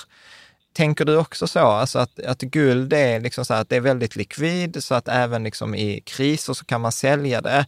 Och tricket här är inte att hålla guld tills jag dör, alltså om jag ska leva i alla fall 30, 40, 50 år till, utan tricket är att köpa något som är billigt och sälja när det är dyrt och sen göra precis samma sak, att köpa aktier när de är billigt. Eller liksom hur, mm. hur tänker du? Uh, man kan ju säga så här i alla fall i min, min, mina eh, dryga 30 eller 35 år snart i finans i världen är ju att de som har blivit riktigt rika, mm. om, nu kallar, om, det var, om pengar är rikedom, det är inte säkert, alltså pengar är egentligen bara en del av rikedom. Men om pengar är, är att vara rik så har de ju köpt när det var extremt billigt. Mm. De har ju aldrig blivit, alltså de som blivit riktigt rika har ju aldrig köpt vid andra tillfällen utan de har köpt billigt. Om det var fastigheter som var gratis 92 är liksom, eh, eller vad, vad det än är, alltså de har köpt, köpt billigt. Det är sättet att bli rik. Man kan bli hyfsat, man kan vara förmögen eller ha det bra och köpa lite när som helst. Men de som har blivit riktigt rika, de har köpt eh, när någonting var undervärderat och lågt värderat. Det, det är min erfarenhet, eh, helt klart. Eh, ja, det du refererar till Anna där, alltså det jag tycker är intressant, mest intressant i den biten, det är ju att Ibland har ju guld, säger vi, inte som nu i år, men alltså vi tar andra året genom historien när guld har haft en minusavkastning så kan det ha varit ett av de bästa åren att äga guld och det låter ju konstigt om det gick minus 5% Men om vi säger att alltså, ett år om börsen gick ner 40% och guld gick ner 5% så blev ju relationen, för pengar är relativt. Mm. Då blir ju relationen, alltså att börsen i, i guld blev mycket billigare och att om man då sålde guld, även om det gått ner 5% så fick man mer börs för de pengarna eftersom börsen hade gått ner eh, mycket mer. Så några av de bästa åren att äga guld är faktiskt vart år när guld haft ett, varit ett minusår. Det låter lite kontra eller konstigt till och med. Mm. Men, men, så är det så att eh, den relationen att eh, eh även om guld ja, går upp eller går ner i, i en börsnedgång så kan det vara bra att äga guld för att man får köpa mm. mer börs efteråt. Mm. Eh, så det, det absolut eh, tycker jag är bra. Det är väl bra att tänka så att de, de, de som kommer lyckas bäst är ju de som eh, sitter med bra investeringar och vi får en stor rörelse i marknaden och, och sen så kan komma in hyfsat vettigt när, ingen, när alla, ingen vill köpa when the blood is running in the street. Alltså det är ju Ska man prata investeringar och inte bara tänka långsiktig statistik så är det ju då man ska köpa och då gäller det ju att ha, ha någonting som behållit eh, sitt värde. Mm. Sen var vi inne på likviditet och det är också viktigt. Många stora investerare de, eh, de gillar ju guld för att det är så likvid eh, investering att de kanske, många köper ju olika private equity och, och smånoteringar och sånt där och äger. Det är ju saker som inte går att sälja när det blir problem och stökigt. Det går ju inte. Och att då ha tillgångar som går att sälja. Det är därför ibland guld går ner i, även i krisperioder. För att en del måste sälja det för att hantera sina så att säga låsta positioner.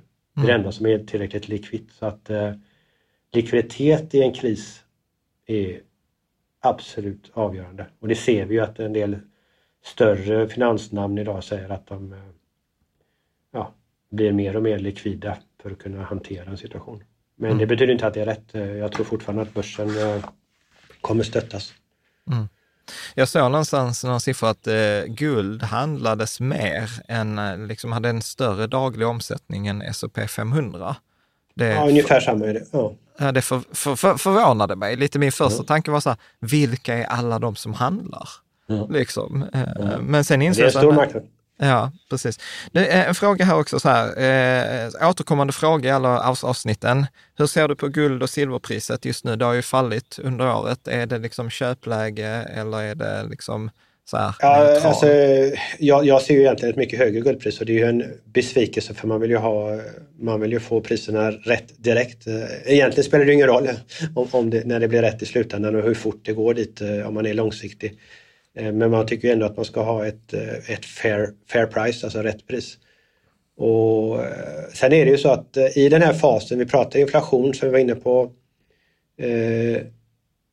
då tror man att USA är först i, av alla länder att höja räntorna för att stoppa det hela. Det borde ju vara så och är troligen så. Då stärks dollarn igen och då blir det motvind som vi sa förut för, för guld och silver och det är väl anledningen till att att det inte har lyft så mycket som man skulle kunna ha trott. Eh, sen finns det lite andra faktorer som den amerikanska rå, råvarubörsen som är lite där det händer en hel del saker som man eh, ja, är bra för den som vill köpa men inte så bra för den som äger eftersom det har tryckt ner priserna. Och Sen finns det väl en uppfattning och jag tror inte att, det, att jag har fel i den men jag tror marknaden eh, tänker lite fel när man, man tror att högre ränta är negativt för guld. Eh, ja, det är negativt för guld om inflationen är, är konstant. Då är högre ränta. Men eftersom inflationen stiger mer än räntan just nu så blir realräntan eh, negativ och mer negativ och det är det som är intressant för guld. Men en del tror direkt att äh, går räntan upp så är det dåligt för guld. Och mm. det, det är en liten missuppfattning som är ganska utbredd även bland professionella investerare. Men jag tror igår så när jag kollade på silverpriset så låg eh, silverpriset tror jag på 22 och eh, guldet tror jag på 17,88. Eh, jag tror att du i tidigare avsnitt har sagt så här, ja men jag tror att liksom när detta väl sätter fart och liksom det här scenariot som du beskriver inträffar, att guldet tror jag att du sa liksom upp mot 3000 eh, dollar per ounce och silverpriset kanske till och med upp till tresiffrigt. Eh, liksom. Håller du mm. fortfarande med i den vyn eller har du eh, ändrat den? Nej, absolut jag håller kvar och mer, mer än någonsin skulle jag vilja säga eftersom eh, man har fortsatt att stimulera i mer takt och tagit mer, mer lån och skulder än vad, jag, vad, vad nivån var då. Så att det har blivit ännu mer osunda eh, finanser. Så att, eh, det är bara frågan om när. Eh, mm. och, det... och det är lite olika anledningar. I silver så kommer vi se en fysisk brist. Det kommer vi aldrig se i guld. Guld finns ju i, i reserver men priset kommer ju stiga och eh, sen ska man veta att guld och silver är, det är ädelmetaller, alla ädelmetaller är helt nödvändiga för, för allt vi gör, all high tech, alltså nu när vi skickar upp nya teleskopet, det är ju guldspeglar så att säga, eller med guldlager för att vi ska kunna se, alltså det är överallt i bilar, det, så det är det är inte bara guld och silver utan vi hade inte kunnat leva utan alltså varje dator, telefon. Överallt har man guld och silver och andra ädelmetaller för att göra nya ämnen, nya glas som är starkare än stål. Det, det är så mycket high tech som, som eh, byggs från ädelmetallerna, deras egenskaper. Det är egentligen egenskaperna i ämnena som är basen till hela AUAG.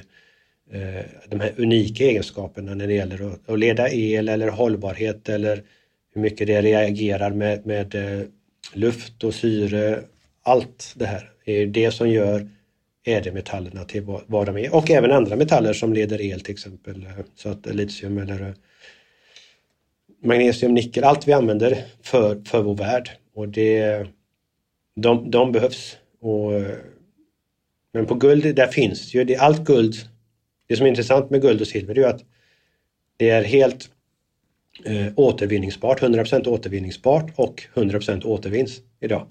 Så att eh, det försvinner ingenting. Eh, mm. Problemet är som sagt att silver finns inga reserver och du kan inte göra en bil utan silver. Även om det inte är mycket silver du använder, men du kan inte göra bilen. Mm. Och då, mm. Eh, då kan vi få se saker som vi har sett med halvledare till exempel och får vi se det på silverpriset så blir det liksom eh, då rör det sig ju flera hundra procent. Mm. Så, så, så, att då kan man säga jämfört med när du var här förra året så skulle vi säga så här, eh, liksom caset har blivit starkare och priset har blivit lägre. Så att det egentligen... ja, ja, ja det, det, det, är tacksamt för den som för den som kommer in, alltså för den som vill öka sina investeringar i det här tacksamt. Hade priset idag varit, hade det då eh, varit 50 nu istället på silver, eh, då kanske en del som hade gått in där skulle kanske eh, tagit hem lite vinster, eller legat kvar men alltså tagit hem lite vinster. Ja. Hade vi väl sagt då och nu är det fortfarande tvärtom. Nu är det köpläge för de som inte har hunnit. De får ja. vara tacksamma att de hinner in. Och eh, för de som har positioner så, och har man kontanter och eh, kanske har utrymme att öka så är det ett bra, bra tillfälle att öka. Mm. Så det är, det är återigen det, eh, det som känns lite negativt. Jag vill, om jag vill se mer värde såklart på mitt konto från alla mina innehav så, så hade jag velat se högre priser men jag ser fördelarna när priserna kommer ner också för att det, det skapar mm. tillfällen. Ja. Jag har en fråga här från en annan Jan, kort. Liksom så här, ja, jag gillar Erik, jag gillar hans tankegångar. Eh, hur ser han på AG Silver Bullets utveckling i år?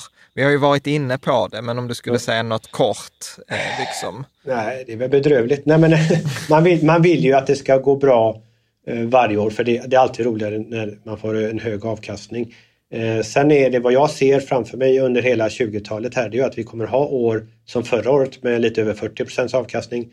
Vi kommer ha år med minus 30% och sen kommer vi ha år med plus 100% Det är så det kommer att röra sig. Så att, och vilket år, nu vill man inte ha några minusår som är sådana men vi kommer att ha det. Och, och samtidigt så rör sig fonden så fort så att även om man har minus 20-30% på ett år så är det ju, eh, det har vi ju gjort plus på en vecka så som ett, ett hela års avkastning kan, kan, eh, kan komma upp på en vecka eller gå ner på en vecka. Så det, det rör sig så fort så att eh, det blir svårt att jämföra med eh, Precious Green är ju en stabilare fond och den har ju liksom haft en, en, en, stabilare och en positiv avkastning. Så där är det ju kul att det är positivt när det gäller avkastningen. Silver Bullet så hade jag ju velat se avkastningen men eh, själv försöker jag se möjligheten och, och, och om ja. jag får tag på, tag på lite kontanter så ökar jag positionerna. Men ja. eh, det är aldrig kul när det står minus. Det, det, det, kan man inte säga att det är roligt på något sätt. Nej. Men, men, men så här, det jag hör, eller det jag hade sammanfattat, så här, det går enligt plan.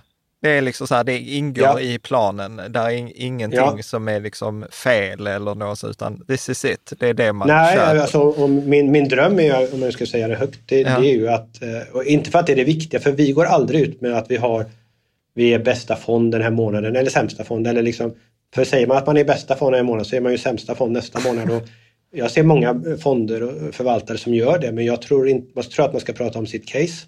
Alla har olika case och aldrig nämn, prata om sin avkastning. Eh, många gör ju det att när det går så bra så gör man massa reklam och ja, vi är så bäst och så vidare. Och det, det slår det, bara mot den. Så jag tror, inte, jag tror inte på det, men det är, det är det vanliga egentligen i fondbranschen. Att absolut. Man... Jag brukar säga att det är ganska vanligt bland småsparare också. Jag, jag har varit mm. på otaliga möten där, där man träffar folk där går det bra så är det skicklighet, går det back så är det otur.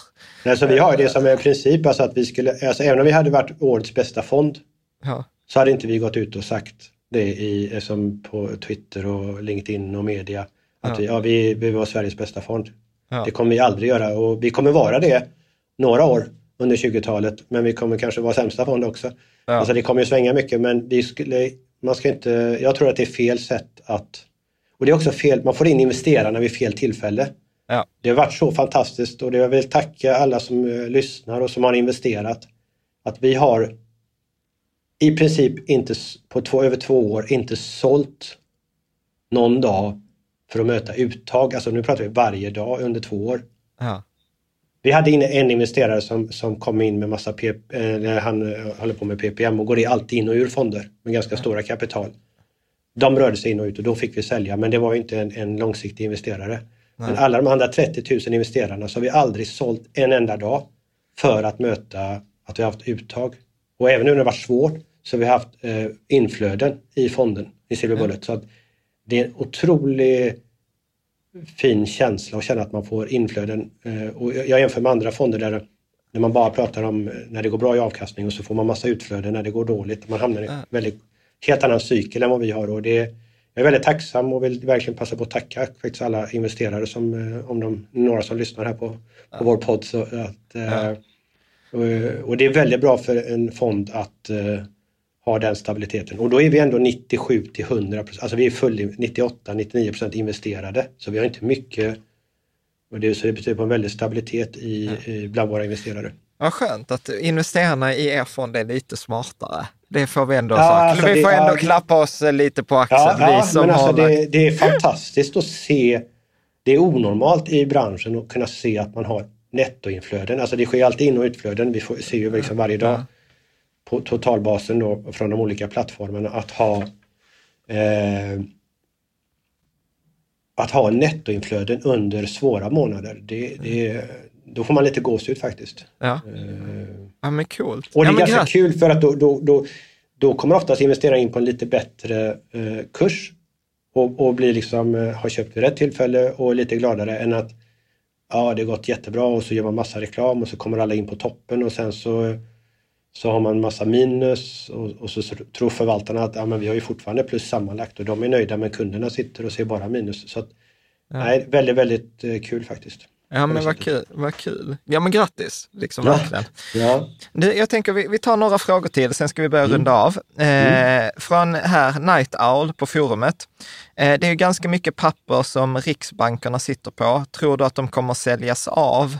Och, och vad händer då? Eller liksom, kommer de sitta på de här papperna i all framtid? Det här är en väldigt, väldigt intressant eh, fråga. Eh, jag menar hela obligationsmarknaden är, jag vet inte vad procenten är nu, med, med, med, är det 40 procent? Eller är det enormt?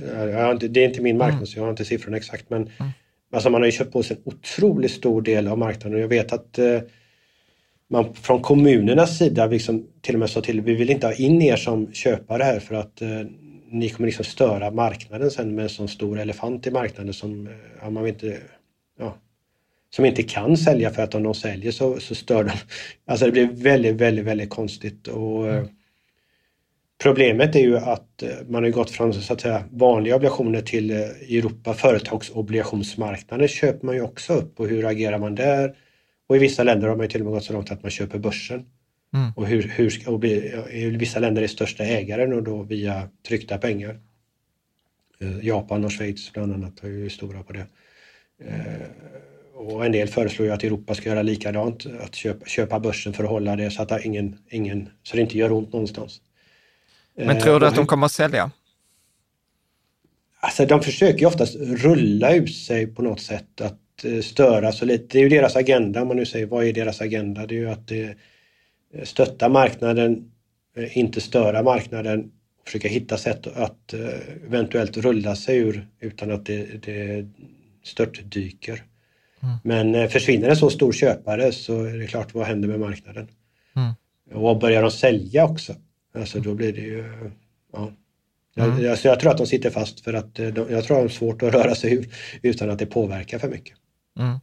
Eh, Robert G har en liknande fråga. Centralbankerna har stora guldreserver.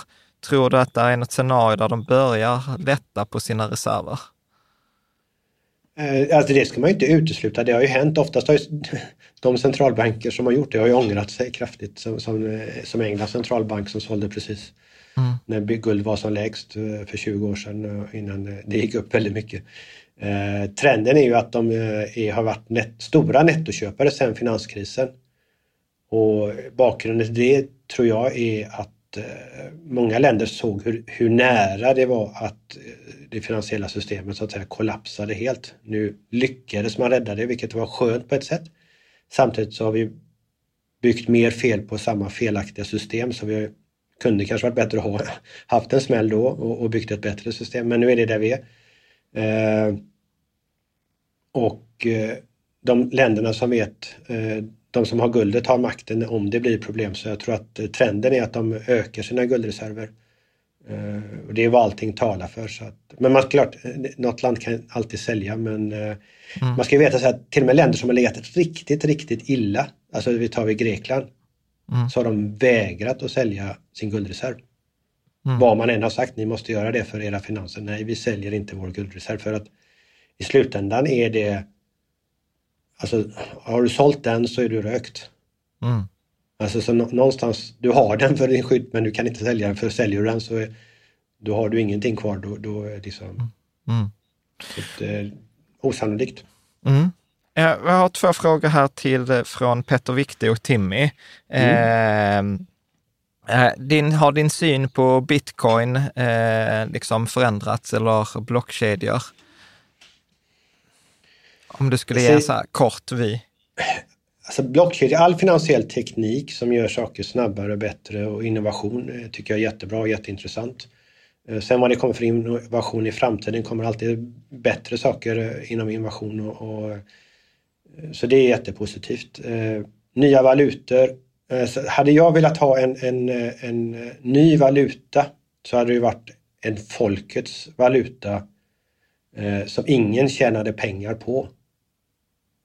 Så att jag har lite svårt att säga att om det nu skulle vara valutor och att vissa ska tjäna pengar på det, om det är de som, som var, har skapat eller ägt det mesta och sen att de ska bli mångmiljardärer på, på, på andra så att säga.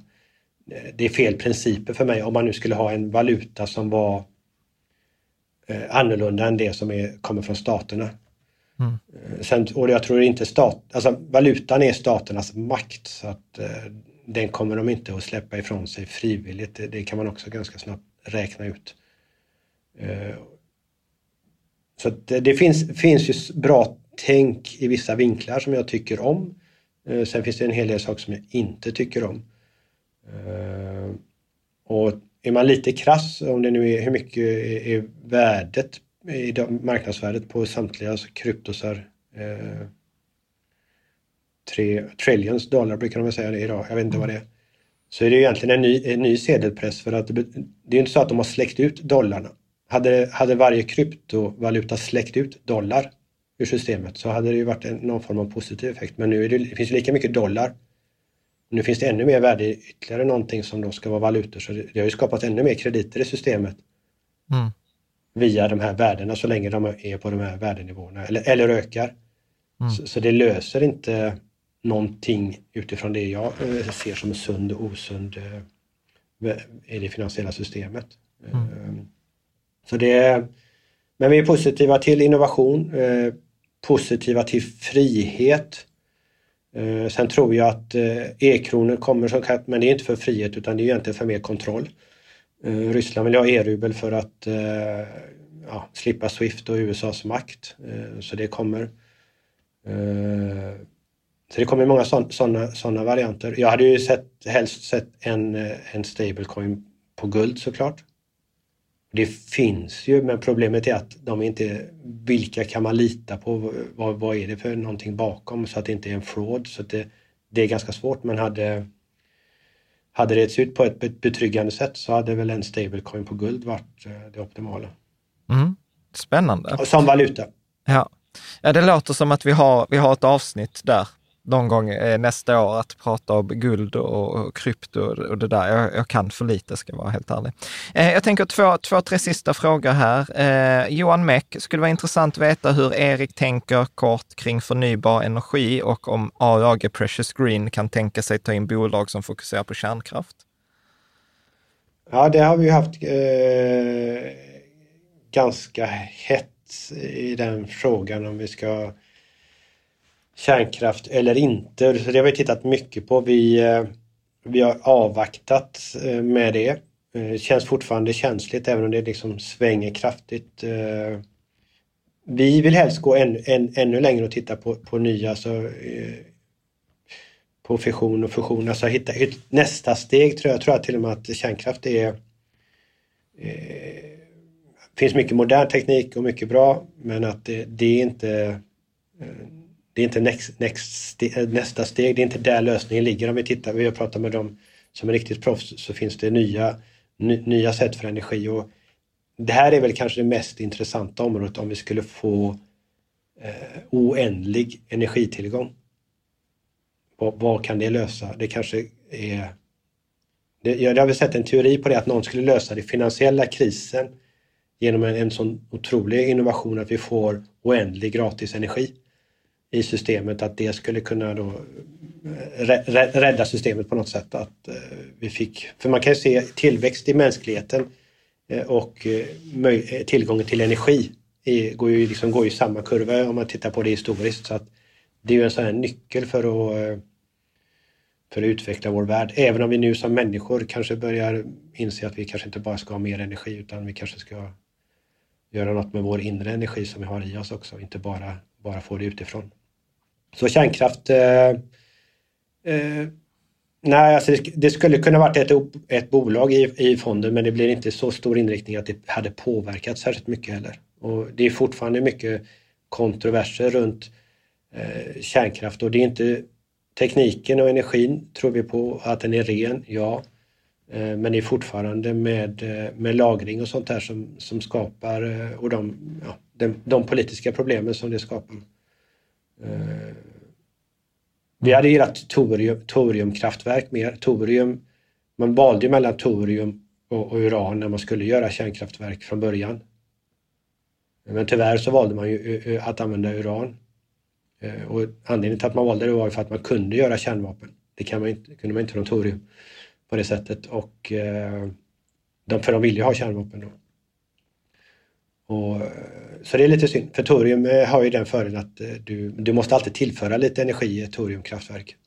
Och en del länder har ju börjat bygga sådana, men det är svår konkurrens för dem. Och i och med att du måste tillföra energi så kan du inte få en härdsmälta. Så att toriumlösningar hade varit väldigt intressant. Lite mer framåt.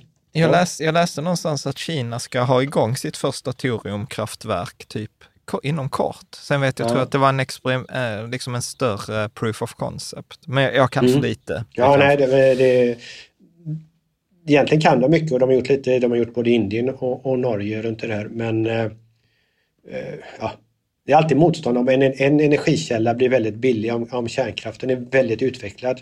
Så det är väldigt svårt att ta sig in men med någonting nytt som är väldigt liknande. Så det, det, är en svårighet för dem. Men eh, stora länder som Kina, Tyskland borde ju satsa på detta eftersom man har valt att stänga den vanliga kärnkraften uh, och absolut inte ska använda kol eller liksom ta sig ifrån kol så, så borde ju Tyskland uh, och Sverige och det var ju jättekul förresten det här med att man blir mer positiv då med vår, med, till gruvor och att Sverige kan bli en del av lösningen för de metaller som behövs för den eh, elektrifieringen. Mm. Det är också eh, intressant. Ja. Eh, och jag tänker också så här, eh, det sista här, att det går väl lite i linje med det också som, som när ni har liksom ESG-perspektivet, att det, liksom, det ska vara hållbart, men att det, det är det som behövs istället för att det som låter bra. Kan, kan man sammanfatta det lite så? Ja, det är en väldigt bra sammanfattning och sen så tänker vi att ja, Eh, när vi tittar på bolag som utvinner så kan man tycka att det, om det är någonting som vi absolut behöver som silver och vi behöver detta, eller koppar, eh, litium, så det är bra om det görs på ett bra sätt så att vi har de bolagen. Och i de bolagen där vi tycker att de kan bli bättre så går vi in och har en dialog så att de förbättrar och byter de ut gamla dieselenergilösningar till eh, solcells eh, mikrogrids eh, eh som det heter. Sådana förändringar och så kör de fuel cell trucks nere i, i gruvorna. Eh, alla de här förändringarna får en otrolig nettoeffekt på, på jorden. Och då är det, det är mycket intressantare att skapa en nettoeffekt för jorden i eh, frågor och ämnen som behövs för jordens transformering än eh, som fond kanske bara sitta och äga massa banker för att de har en bra rating. Eller mm.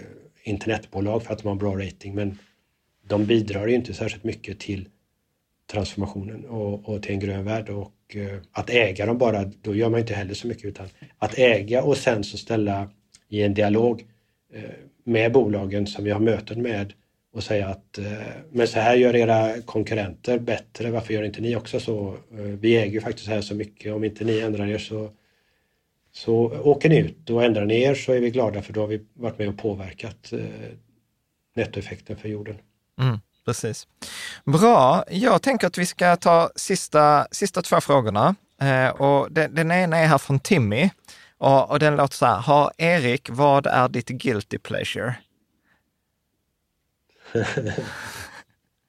Champagne. Champagne? Nej, ja. Nej fast jag, jag har hört att man, man lever längre och eh, håller sin intelligens längre om man dricker champagne. Så det är kanske inte så mycket guilty i det.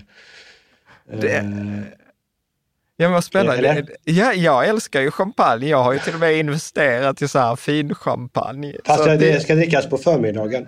Ja, ja, exakt. Helst till frukost. Exakt. Ja, eller före exakt. frukost. ja, precis. Oväntat, men I like it. Jag kommer, men det behöver inte vara dyr champagne. Det är inte så. Nej. Jag är inte samlare utan eh, jag... Eh, det är som jag brukar säga, en krona är inte en krona förrän du har använt den och en champagneflaska är inte en champagneflaska förrän du har använt den också. Nej men så är det. Vi har alltid, faktiskt, eh, alltid en flaska champagne stående i, i, i kylskåpet. Men du, jag tänker så här, förra gången du var här så fick du svara på frågan så här, sämsta, eh, sämsta rådet i finansbranschen. Och då sa du så här månadssparande. Och efter att jag hade hämtat mig från chocken eh, så, så, så höll jag med dig och faktiskt börjat använda det och referera till, till, eh, till dig kring det där. Har du något annat sånt här eh, dåligt råd som du har hört under året eller som du har Eh. Ja, jag har nog inte hört så mycket, jag försöker hitta på dem själv. uh,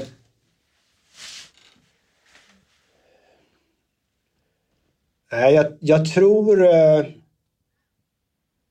att, alltså att ha...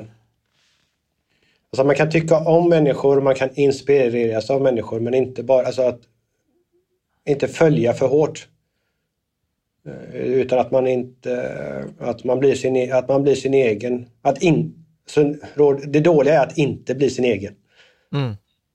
Alltså ja. att göra det för enkelt. Alltså, det är väl bra att ha någonting i någon portfölj. Eh, alltså, jag ska inte tala emot mig själv, alltså det, någon kan ju äga aktien istället för fonderna men jag tror att man i alla fall, jag tror att det är bra att man har sin egna fondportfölj. Alltså, jag säger inte att fondrobotar är dåliga eller den biten. De har en tjänst men jag tänker att om man använder en fondrobot i tio år och inte gör något annat då har man ingen kontakt med marknaden. Har man ingen kontakt får man ingen kunskap. Man gör själv inga fel, alltså det är någon annan som gör felen och man, man lär sig ingenting. Så att man får en ganska enkel skön tjänst. Men tio år senare så är man väldigt eh, kunskapsfattig. Mm. Eh, så jag, vill inte säga, jag ska inte säga att det, om tjänsten är bra eller dålig utan snarare att jag tror att det är bra att, att vara med i, i matchen och känna att man har lite kontroll. Att, att tappa kontrollen för att man skickar iväg allt för mycket. Det gör man ju lite när man skickar till oss, alltså att vi sköter fonderna i aktier. Så att lite talar jag emot mig själv, men det tror jag är en ganska vettig nivå. Men att, att skicka bort allt och mm. liksom strunta i allt, och, ja, det kan ju vara skönt, men jag tror, jag tror att det kan vara farligt, särskilt när det går inte ett år utan när det börjar gå fyra, fem, sex, tio år och man inte har... Ja, men att det, det jag hör att du pratar om är egentligen så här ägande. Alltså äga det själv. Eh, ja. och, och, jag menar inte i betydelsen att äga de enskilda fonderna, utan att äga beslutsprocessen, äga liksom motiveringen, äga misstagen. Alltså att, ta, att ta det ansvaret. Så att jag inte sa, ah, Jan sa att det var bra eller Erik sa att det var bra eller X sa att det där är bra, utan att, ja. ha, att ha sin egen, ja men äga ja, det själv. Ja, ja, det var en bra sammanfattning, för då, då och då växer man och man, man får, eh, man kanske får mer smärta och mer ont, men man, man växer och man får en eh, stolthet och ära i att man har gjort det på ett annat sätt. Mm. Och det är väldigt bra att ha om det börjar blåsa. Så länge det inte blåser hårt, ja, då funkar ju allt. Mm. Men har man det där med sig lite mer när det börjar blåsa så tror jag att man har eh, stora fördelar. Mm. Helt enkelt. Ja, men precis. Precis. Bra, jag tänkte, som jag alltid uppmuntrar när, när jag pratar med någon som förvaltar en fond, så brukar jag alltid som sagt gå in på hemsidan. Ni har ju auagfonder.se och där kan man ja. anmäla sig till ert nyhetsbrev. Jag tror det heter Elements. Elements, heter, ja precis. Ja. Det är grund, grundämnena Elements. Ja. Eh, så att, eh, det är viktigt. Ja, och eh, liksom för att liksom få den här informationen, för ni skickar ju ut bra information varje månad och där är roliga artiklar. Sen är ni dessutom ganska aktiva på LinkedIn eh, och Twitter och andra, eh, andra ställen. Så det, vi, gör, vi gör allt för att, för att svara personligt, alltså vi har ingen sån här eh, Pressavdelning. Nej, uh, Q&A eller någon robot eller något, utan vi försöker svara, även om vi måste svara ganska kort så, så svarar vi och det Nå någon gång kanske man har missat att svara någon, men de flesta eh, uppskattar att vi, vi gör allt vi kan för att svara personligen. Eh, ja. Men man, det kanske blir lite korta svar ibland för att det är ju en tidsfråga såklart. Ja, men, men, vi vill verkligen ha kommunikation. Vi vill ha frågor. Vi vill ha dialog. Och vi vill göra resan tillsammans och därför är alla våra investerare eller, eller kommande investerare, eller de som har varit, jag brukar säga de som har varit så tackar vi och så välkomna tillbaks men alltså att det är, det är viktigt, dialogen. Mm, precis. Och, och tillsammans. Alltså, jag gillar ju tillsammans också. ja. ja, men precis. Ja, men precis. Fattiga tillsammans eller rika tillsammans. Ja, men exakt, exakt. Ja. Du. Erik, jag tänker att vi, vi håller, vi har pratat i nästan ja, en timme och ja. 45 minuter. Ett fantastiskt stort tack eh, för att eh, du, du tog dig den här tiden att liksom svara på frågor, resonera och att du alltid kommer tillbaka och har nya tankar. Det är ju aldrig tråkigt att, att lyssna på dig. Sen, ja, sen någon, någon har väl tröttnat säkert. Men, eh. Nej, jag kan, jag kan ju rekommendera så här, gå in på forumet och sen läs tråden. Det, det är bra Nej, frågor. Men Jan, Jan, Jan, Jan, ibland en del säger, men du, du Erik, du säger ju samma sak varje gång. Ja, men jag kan, jag kan inte ändra och säga något annat bara för att jag säger något annat. nej, men precis. Det går ju inte. Det, nej, nej, men precis. Nej, men det är liksom så här, distinktionerna ökar lite. Du, Erik, vi tar frågorna på studs och sen, eh, ja. Precis. Du Erik, ett stort tack och sen ja. tänker jag att jag får passa på att önska så här, god jul, gott nytt år och sen tänker ja. jag att du, vi ses ju på andra sidan eh, årsskiftet också. Det gör vi. Tack så mycket. Tack.